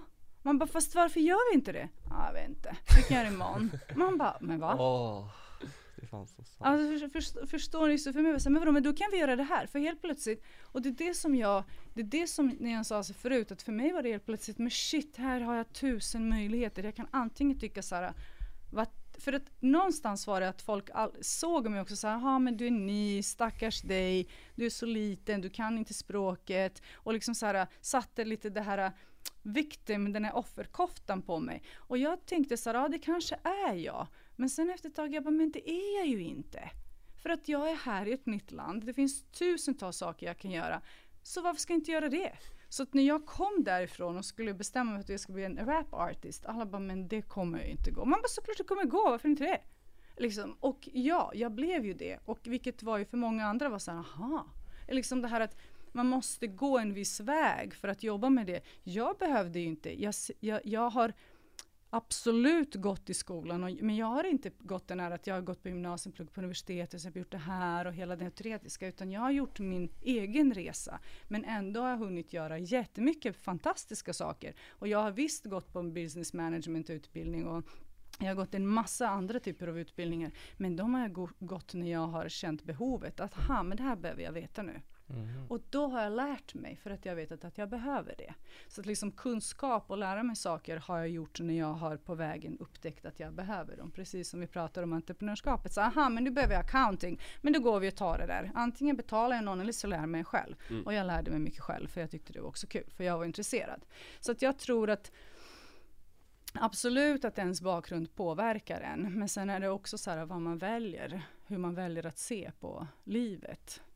Wow. Intressant, alltså det där är riktigt coolt för att det är ju så här, För att det är som du säger, alltså Sverige är egentligen så här, det är landet där det är extremt mycket frihet, du kan mm. göra i stort sett vad du vill mm. eh, Men ingen gör någonting mm. Alltså det är mm. sjukt intressant och det mm. måste varit väldigt coolt att komma utifrån också mm. med riktiga restriktioner Inte bara normer som restrikterar dig, utan riktiga Komma hit och se liksom hur folk bara sitter och bara, ja men som du beskrev, bara mm. inte, in, inte gör någonting, inte mm. agerar på det, inte tror på sig Precis, själv. Precis, och jag tänker så här att mitt, mitt uppdrag som jag har haft, en av mina många uppdrag, det senaste uppdraget det Eh, bland annat det att jag blev TF, eh, tillförordnad generalsekreterare för Project Playground. Okay. Som är grundad av prinsessa Sofia, eh, som jag har haft eh, liksom, möjlighet att få jobba nära med. Eh, och det, jag tycker det är helt fantastiskt att, att, att liksom det finns personer som eh, spenderar hela sitt liv för att liksom förbereda sig på en, en sån sak. Och, eh, och det finns de som säger att som en kvinna så kan man inte göra karriär som en kvinna med utländsk bakgrund. Är det ännu mindre, för du måste ha rätt namn, du måste ha rätt efternamn, du måste ha rätt utseende. I'm none of that. Nej. Helt jag, jag, har inte, jag har varken gått den klassiska vägen att bli eh, liksom så pluggat, jag har inte, eh, jag är liksom inte svensk eh, och jag har inte ett svenskt namn, jag är inte adopterad, jag är inget av det här. Men ändå har jag lyckats göra fantastiska saker i livet. Jag har haft fantastiska chanser och det kommer jag fortsätta ha liksom. Eh, och för att jag tycker att, att livet är, liksom, det är vad vi gör det till. Och det, det liksom, får man en chans till att göra bra ifrån sig så ska man göra det. För det är det, det, spelar, det, är det som spelar roll. Mm. Mm. Verkligen, håller bara med. Mm. Det är så sjukt inspirerande att också bara höra alltihopa. Mm. Jag brukar tänka att, eh, likadant som du säger, att man ska ju ta vara på tiden. Mm. Min, eh, en av mina tankar är att när mm. jag är 80 år gammal, då ska jag kunna se tillbaka på mitt liv mm. och känna att wow, mm. fasiken vilken resa. Mm. Och det är lite som man får tänka också, det är ju Mm. egentligen vad gör man för någonting? Är du nöjd med det du har gjort? Exakt, för Mm. det är det som spelar roll. Men sen också så här innan eh, vi avslutar, för jag antar att vi ska göra det snart, eh, så tänker jag att eh, det här med att vara nyfiken, Mm. det är egentligen det bästa. Så ska man odla något hos sig själv, det är nyfikenhet.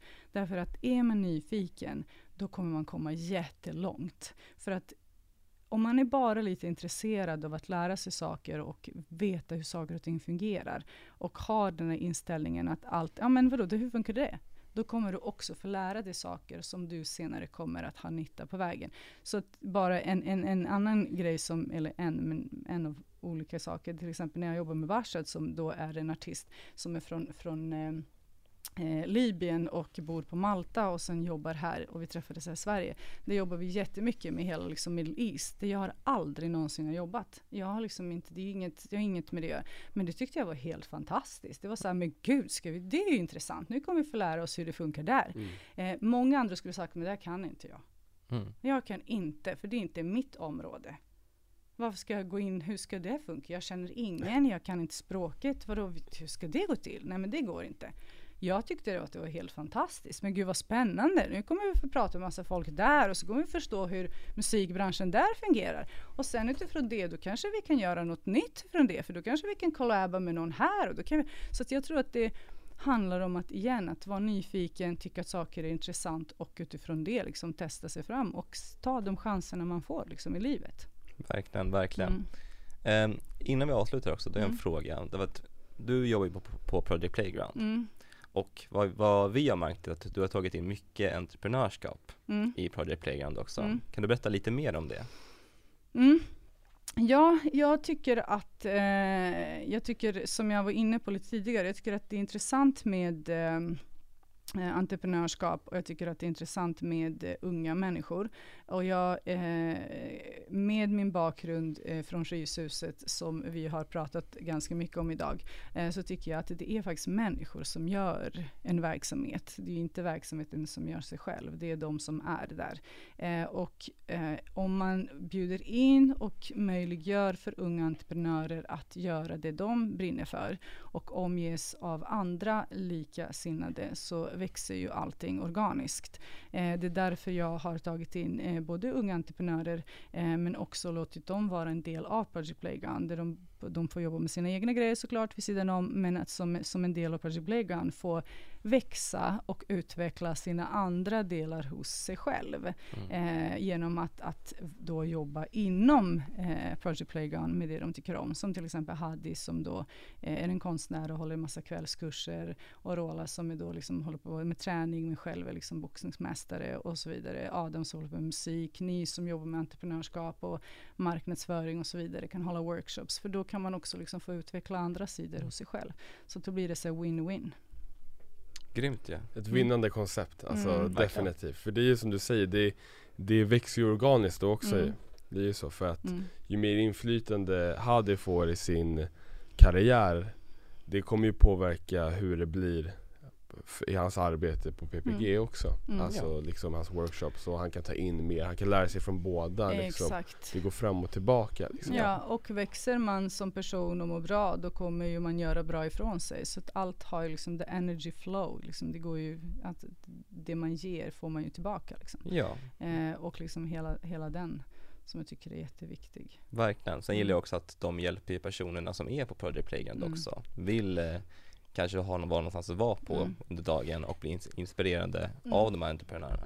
Precis, men det är det som jag tänker att så här, när man driver en verksamhet för unga så måste ju verksamheten det, vara relevant och attraktiv. Och attraktiv och relevant för mig betyder att inte ha jättemånga, bara ha personer som är kunniga inom sina områden, eh, så kallade experter. För det kan man absolut ha, det ska man ju ha. Men man ska också fylla på med personer som faktiskt är aktiva inom det de själva undervisar eller pratar om. För då, då blir det ju mer relevant för den unga personen. För det är mycket, mycket kanske, eller det är mycket eh, mer effektivt om ni sitter och pratar med en ung person som är 19 eller 18 och vill driva, starta ett företag, där ni berättar att så här gör man, så här har vi gjort, så här funkar det, det här har vi gått åt helvete, men sen har vi gjort det här och vi är ändå här och vi kämpar fortfarande. Men det går.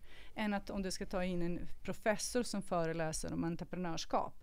För det kan inte de relatera till. Nej exakt. Det blir massa Nej. fakta och det blir så, ah, okej, men det kommer gå, men det har inget, jag kan inte relatera till den här personen. Men om man kan liksom, om man ser personen som dessutom jobbar med det de gör, det är mycket enklare. Verkligen, Mm. verkligen. Inspiration. Helt och hållet. 100 Och procent. ni är ju liksom fantastiska när ni är där. Då inspirerar ni en massa unga också. Tack så mycket, Ja, tack. Kan bara säga detsamma till 100% Men det är jättekul att höra, det är Mm. jättekul Du, innan vi avslutar podden, Mm, då har vi ett segment också Mm. där man brukar kolla egentligen rakt in i kameran, mm, här då mm. och egentligen pitcha varför man ska vara en entreprenör Tänkte om du hade lust att berätta om dina tankar, nu har du gjort det en under lång tid, men Mm. en pitch Bara en sammanfattning liksom. Exakt, Alltså varför någon annan ska vara det. Exakt, exakt. Mm. varför du tycker att man ska satsa på entreprenörskapen Som en entreprenör har du möjlighet att bidra till världen med nya saker, nya idéer och det du själv tycker om, tycker är viktigt och det du drömmer om. Underbart. Grymt, Tack så underbart. mycket Nanny. Tack så jättemycket